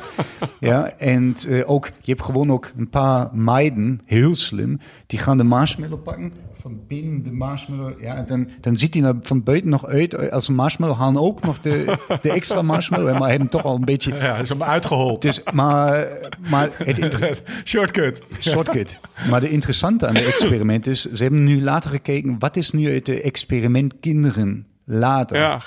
En het gekke is nu, ehm, die kinderen die durfden te wachten of die de discipline opbrengen te wachten voor de... Dit zijn gewoon die die later in Harvard en ja, dus eh, de key is echt eh, discipline. Ik vond het eh, vrij spannend als je als je de tweede deel van de van het experiment nog ziet. Maar zoek op Die ga ik Ja, je kijken. hebt- je hebt- Zetten we in de ik- notes. Ik ken, ik, Mhm. ik ken het experiment. Er zitten twee dingen. Het zijn discipline, maar het is ook inhibitie. Dus de mate waarin je jezelf kan, kan, kan dwingen om het niet te pakken is er eentje. Maar ook het continu stapelen van training op training op training. Dat is ook een, een discipline element. En volgens mij is het die combinatie. Ja, ja nou, mooi. En vraag 2, Mhm. voordat jij, eh, ik kom erin. Die is eigenlijk, die is eigenlijk een beetje eh, vergelijkbaar. En, ik denk, hoe, hoe vormbaar is een renner? Bijvoorbeeld eh, LTD staat hier, die tien jaar lang het schema van Groenewegen gaat doen. Kan ik met de Wat bouw van een klimmer ook een, een eh, sprinter worden of andersom? Ja, ja. Leuk voorbeeld ook. Ja, ja. ja. Nee, sprinter wordt zeker geboren. En je hebt, eh, je hebt dus altijd deze type 1 en type 2 fibers, sprintfibers en, eh, en ehm, duurfibers. En je hebt bij de duurfibers dus een beetje intermediate fibers. Die kun je ook in de ene of in de andere richting switchen. Dus je kunt aanpassing, ehm, ook jij, richting meer dynamiek en meer anaerob vermogen ook trainen. Maar dit is wel redelijk beperkt. En eh, al die jaren... Ik word die- nooit een Groenewegen. Ja, dat zie ik... eh, zie je niet gebeuren. ja, niet echt. Nee. Met, met alle respect. Ja. Jammer. Maar, maar, maar, maar de andere kant, kijk, eh, Nico Roach vond ik. Hij wordt ook nooit een Laurens? Ni- Nico Nee. Roach vond ik super spannend. Hij vertelde mij toen hij begon, was hij vierde in de groene trui eh, die Thor toen won. En hij heeft eh, 400 wattage afgeknapt in zijn sprintvermogen om eh klasmensrenner te worden. Dus daar heb je een echte, daar heb je een echte switch. Zo. Ja. Ja. Ah. Dus daar is behoorlijk veel mogelijk. Of als ik aan Jalabert terugdenk. Of, eh, ja, dat- maar er zijn Zo. echte, echte Dus switches van, nodig. eh, samengevat, van sprinter kan je wel meer richting de klimmerkant. En andersom eh, hoef je het niet te proberen, zeg maar. om de top te halen zeker niet. Hmm. Dit, dit, ja, dit moet je hebben. Wist ik, Steve. Daarom deed ik het ook niet. Ik denk dat... Maar ja, ik, zie, ik, zie, eh, ik, zie, eh, ik zie perspectief voor mezelf vooral. Als je ik aan te denken. Misschien wordt dat nog wat. Dedication. Ehm, eh, we, we moeten het even, even, even hebben over, eh, over eh, Dirty Cancelled, Lau. Ja, oh ja, ja zeker. Want, want Hendrik, Wel, wij, wij gaan... eh, ken je, weet je wat Dirty Kansas is? Nee. Vast. Dirty Kansas is de gravelrit in de, in de US. 300 of 200 mijl op één dag. 320 kilometer over gravel. Oké. Die gaat niet door dit jaar. Dus hebben wij het plan opgevat. Hij is om uitgesteld. een, eh, een- een- of ja, hij is uitgesteld, ja. Eh, om, eh, om hem zelf te rijden. betekent dat we op, op 30 mei... En dat is, eh, nou wat is het, nog eh, vijf, eh, 26 dagen, 25 dagen. Eh, en voor de een is dat een grotere uitdaging dan voor de ander. Eh, 320 kilometer eh, gaan fietsen. Mijn vraag aan jou, persoonlijk, nee, ik vraag het voor een vriend. Wat kan ik nou het best doen? Wat moet ik doen? Kan ik, wat moet ik doen? Dat is eigenlijk mijn vraag. Wat moet Hoe, ik doen? hoe, hoeveel dagen heb je? Je hebt, je hebt nu nog 25 dagen 25 dagen. tot die dag. Bidden, bidden. Ja, ja. Nee, even, even stil. Dat is het enige wat, Wat hij moet kan ik doen? doen. Wat moet ik doen? Oké, en- en wat, wat is jouw doel op de 320? Ehm, zo, eh, Wat- wat wil je dan? Een zo, zo mooi mogelijke dag hebben. Dat betekent dat ik niet zo kapot moet gaan dat ik er niet meer van kan genieten. Een beetje kapot gaan is helemaal niet erg. Maar eh, oké, ik wil er nog van kunnen genieten op de een of andere manier. En ik wil misschien ook wel ehm, eh, het tempo erin houden. Dus ik wil ook niet met 15 eh, gemiddeld aankomen. Dus ik wil een gestaag tempo kunnen volhouden en er ook nog op de een of andere manier van kunnen genieten. Oké. Oké, dus als ik daar nu een schemaatje voor die korte tijd zou moeten maken, ja, dan ja, ja, ja. ja heb je zeker van... Een live consult Huh? dit. Het is een live consult wat, eh, wat ik hier even ja, word. dus je gaat in die tijd ga je nu niet meer echt, eh, ik zeg maar, spieren, een switch aanmaken. Eh, dit, dit gaat niet gebeuren. Wat ik mentaal zeker zal zoeken is, ik, ik weet niet of je ooit zo'n ritje heeft gedaan, maar ik zal heel zeker een dress rehearsal, dus een kleine test Ja. of iets wat daar ook daarop voorbereidt, op die mentale challenges die daar wachten in, in, in, in, die, in die uitdaging. Die zal ik wel op een bepaalde tijd daarvoor, en ik zal nu zeggen, twee weken ervoor, tien dagen ervoor. Want eh, dit kost natuurlijk ook mentale energie. En dit moet je weer opladen. Want eh, dit is niet oneindig. Daar heb ik ook nog een mooi experiment. Maar dat kan ik zo. En Ja, ja, ja. verder zal ik... Dus twee weken van tevoren, 2,50. En dan is het niet voor het fysiologische, het, het, het, zeg maar het fysieke, maar meer het, het, het mentale aspect ervan. Wel grappig dat je dat, eh, ja, heel, dat, je dat eruit Ja, haalt. he- heel zeker. Kom, eh, het is overal. Dat, eh, er komen altijd challenges op je weg. En jij kunt nu kiezen eh, welke antwoord jij op de challenge geeft. Ik heb al die vertrouwen dat je het haalt. Maar eh, om het even nu juist aan te pakken. ehm, ja, net als ik zei met de Tour de France, die wordt in jaren en maanden daarvoor gewonnen. In de week daarvoor ga je die alleen nog maar verliezen. Dus ik zal zeker even eh, nadenken van, oké, hoe pak ik nu de laatste dagen aan? Ik zal niet alleen maar rusten, want ik heb ook heel vaak de ervaring gemaakt dat als je nog één iets langere rit, drie dagen, vier dagen ervoor plant, eh, is het juist heel goed voor het gevoel. Maar je kunt het ook fysiologisch verklaren dat het eh, dit gevoel ook eh, steunt. En eh, ja, ik zal heel zeker dan eh, kijken van waar plaats ik nu de dress rehearsal. Daar zal ik eh, ja, een twee weken of, of Ja. ik zeg 19 dagen ervoor, daar, daar zal ik nog even een echte test, eh, zeg maar. Die Maar wat, wat is dan een echte test? Ja, ik zeg Waar maar. moet ik dan aan denken? Ja, ik, ik, ik zal daar gaan voor. Ik, heb, Sorry? Ik heb al vaker 2,50, 2,60 gefietst. Laat ik zeggen, die heb ik al tien keer gefietst of zo. Dus ik weet wel een beetje wat een lange afstand Oké. eh, hoe ik Ja, maar, dat maar iets richting de 200, eh 230, 240. Ja. Zoiets, zoiets ik dan nog doen. Zeker niet hetzelfde, eh, natuurlijk niet. Ja, Op en, je gravelfiets. Nou, maar weet je waar, waar- waar- wat, Ah ja, ook, wat, Ja. mentaal mee gaat spelen? Is lekker rijden op een klote moment. Of Ja, even precies. zonder drinken zitten. Of dat soort dingen. Hoe ga je met de Mhm. Ja, tegenstander? eigenlijk vind ik dat jij gewoon een priem mee moet nemen. En hem dan gewoon even die tubeless band leg, leg, leg steken. en dan proberen hem te fixen met een plug, weet je wel. Dan heb je vast een echte dress rehearsal, zeg maar. Oh, jij hebt net geleerd hoe je die plug moet gebruiken natuurlijk. maar daar, Weet je wel, je moet je mentaal voorbereiden op alles wat komen kan gaan, weet je. Dus, eh, maar da- daar, daar misschien ook nog even dit kleine experimentje. Er was, eh, ze hebben eh, een Ja. paar mensen in een kamer gegooid. En in dat kamertje hebben ze lekker warm gebakken cookies. En die ruiken als dat jouw oma die heeft gemaakt. Ja, en dus de helft van de mensen in de kamer, die mag de lekker gebakken warme cookies met al die geur eten. De andere helft, die kreeg alleen groenten, radishes, radieschen. Ja? ja, En, radijs. ja, radijs. En ze moeten gewoon, om de temptation te weerstaan, moeten ze gewoon mentaal al iets gebruiken. En dit experiment gaan ze een hele dag door en dan is de experiment beëindigd. En er is een tweede experiment, daar gaan ze een puzzel, een puzzel moeten ze oplossen. En de puzzel, die is onoplosbaar. Dus eh, je kunt het niet halen. En ze meten, en ze weten niet dat deze twee experimenten gelinkt zijn, maar ze meten gewoon van hoe lang houden die gasten door. En die radishes-eters, die gaan dan zelfs 6,5 minuten helemaal frustreerd stoppen van, ja, dit, eh, dit gebeurt hier zeker niet met mij.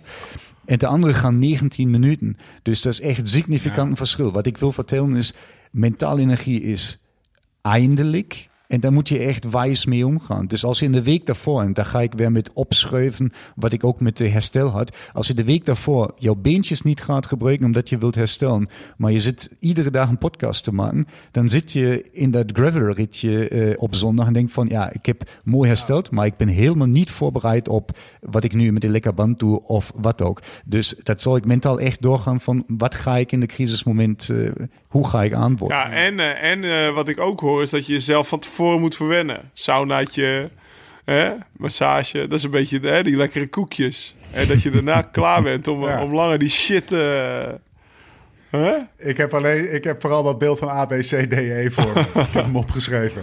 Ik ga die ABCDE Ga je thuis gebruiken? Vol, volhouden. Ga je thuis Ga ik helemaal aftoppen tot de nok. Ga je thuis gebruiken richting je vrouw, richting Eve. Ja. Maar- dit, maar- dit maar komt een, be- even een nog beetje ver in mijn C, hoor, dit.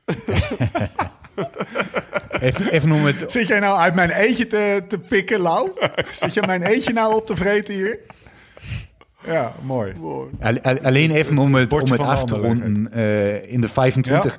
Ehm, ik zal natuurlijk een opbouw doen en ik zal natuurlijk ook, eh, net als ik het zei, ook intensiteiten zoeken en ook de duur. Dus Ja. een beetje ook eh, dit eh, polari- polariseerde approach. Ik zal zeker ook ehm, ja, de load dus verhogen.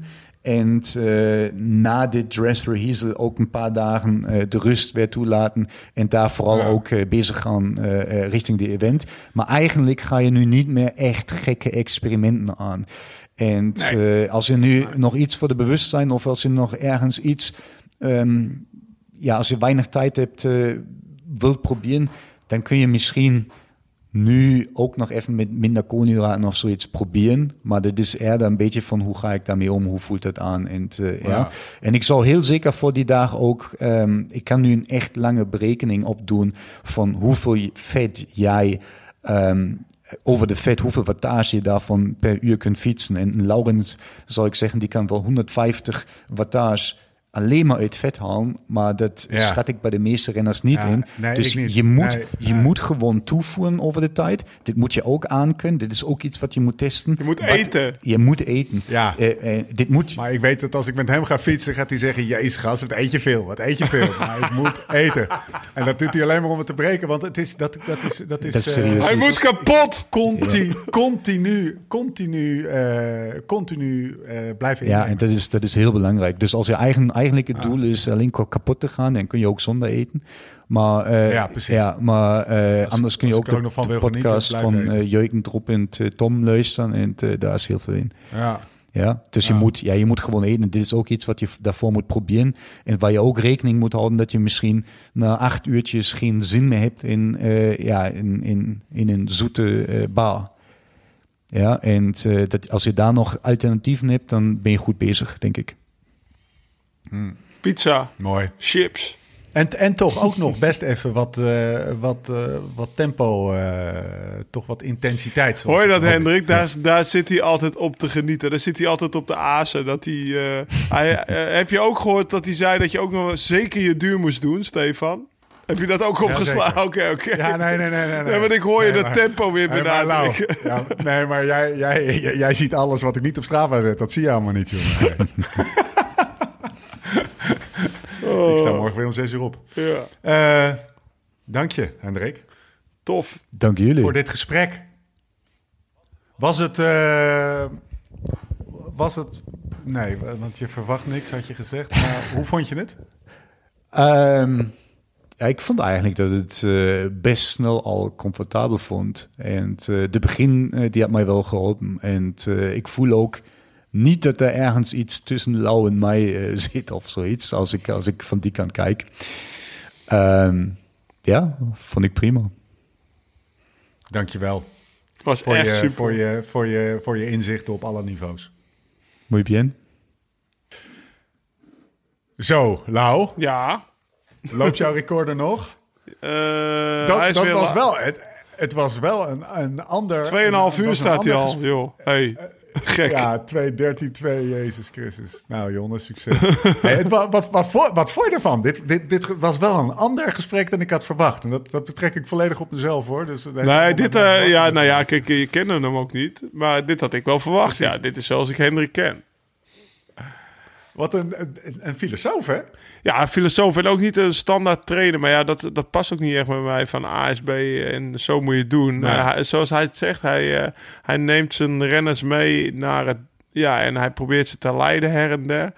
Maar Ja. eh, Een het is niet dat hij gewoon... Het- ja, het is niet dat hij ze gewoon iets voorschrijft en dit moet je doen. Want hij denkt niet dat dat Ja. werkt, zeg maar. Als jij als een Ja. robot getraind wordt. Dus het is wel een Is hij Duitser. maar- dan, dan, dan wat zeg maar eh, de, de, de doorsnee trainer in het wereldje is? Mm, misschien wel zijn veel trainers iets zo. anders.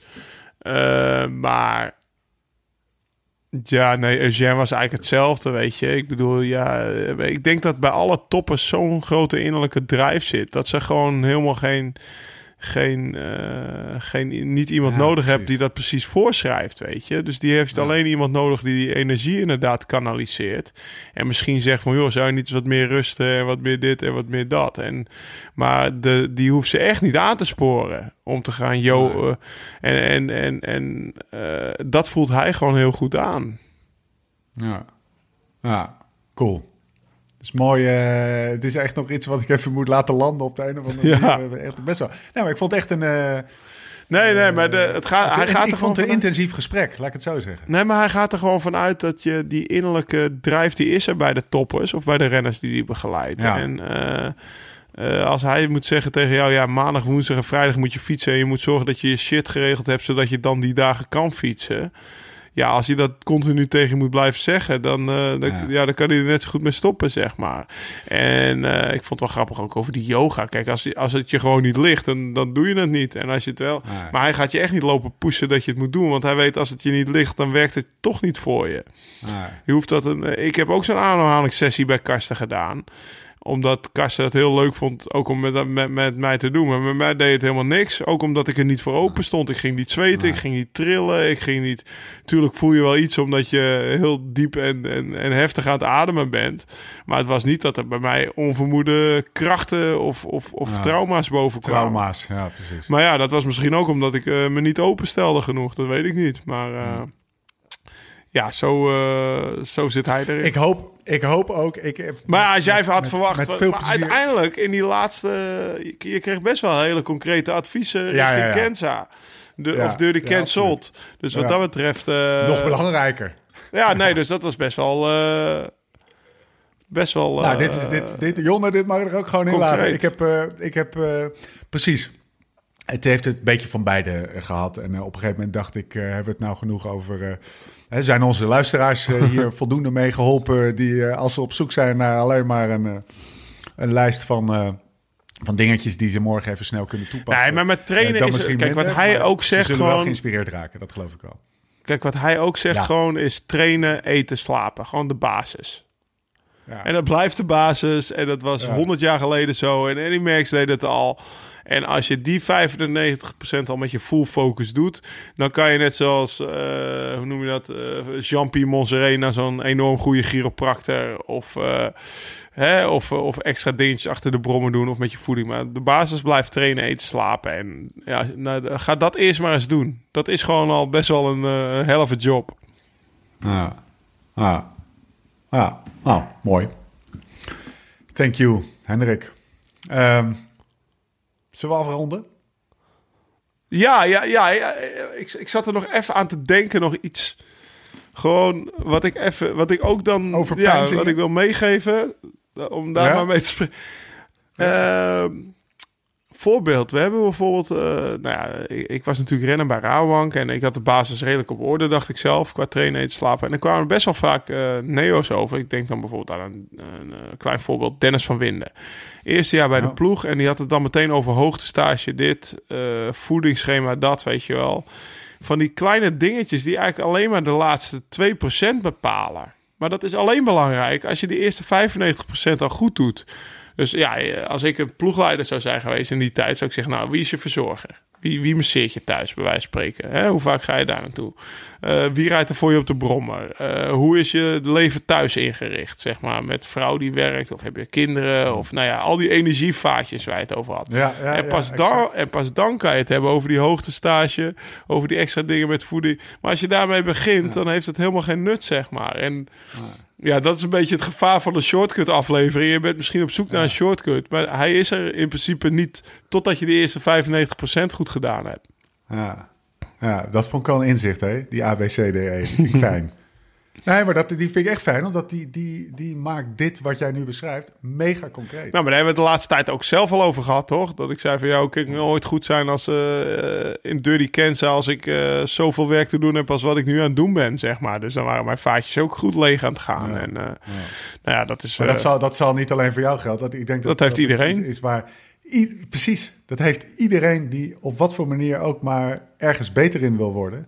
Die zal zich bewust moeten worden dat, dat, dat de energie. Dat je het best met veel energie ergens aan kan werken. Want dan word je snel beter. En dat die energie aan alle kanten weglekt. Ja, dus dan moet je ook gewoon keuzes maken. Ja, Moet je andere dingen schrappen.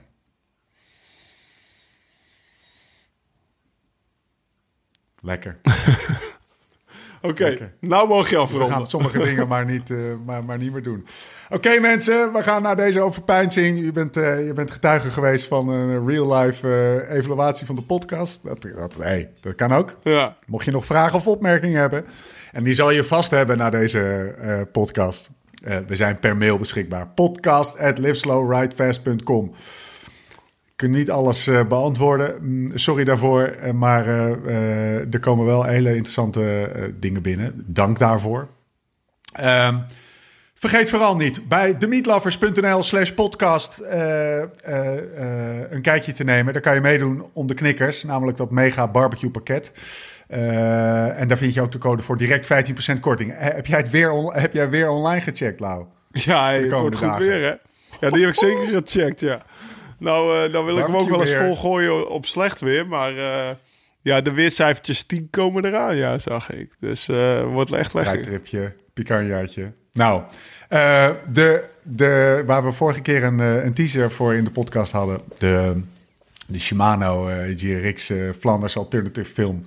Die staat online, hè? Ik zag net 124 124.000 keer bekeken al. Zeg je dat? Serieus? Nou, heb Ja. ik, ik heb het niet gezien, In maar week, man. Eh, ja, hij is ook nog een aantal keer embed op nieuwsites. Dus eh, hij, is, eh, hij is goed bekijken. Het is ook gewoon een vette film. Gewoon kijken. Ja, man. Tof film. Ja. Gewoon Nou, toen alles dat nog goed was. toen alles nog goed was. Jezus, dat lijkt echt maanden geleden. Dat valt op zich allemaal nog wel mee. Ja. Maar het is echt een ander, ander tijdsbestek waarin het plaatsvindt. Geinig. Geinig om te zien. Nou, ga dat vooral checken. YouTube, Flanders Alternative. Of beter, check gewoon liveslowridefast.com slash nieuws, denk ik. Ja, dan ben- Dan, dan, vind, je hem, dan vind je hem ook. Ja. jouw website, man. Kom op. Groot dat. Slash Eh, stories, slash Flanders Alternative. Waar zal die op staan? Ja. Nou, check het vooral. liveslowridefast.com. Laat een reviewtje achter op iTunes.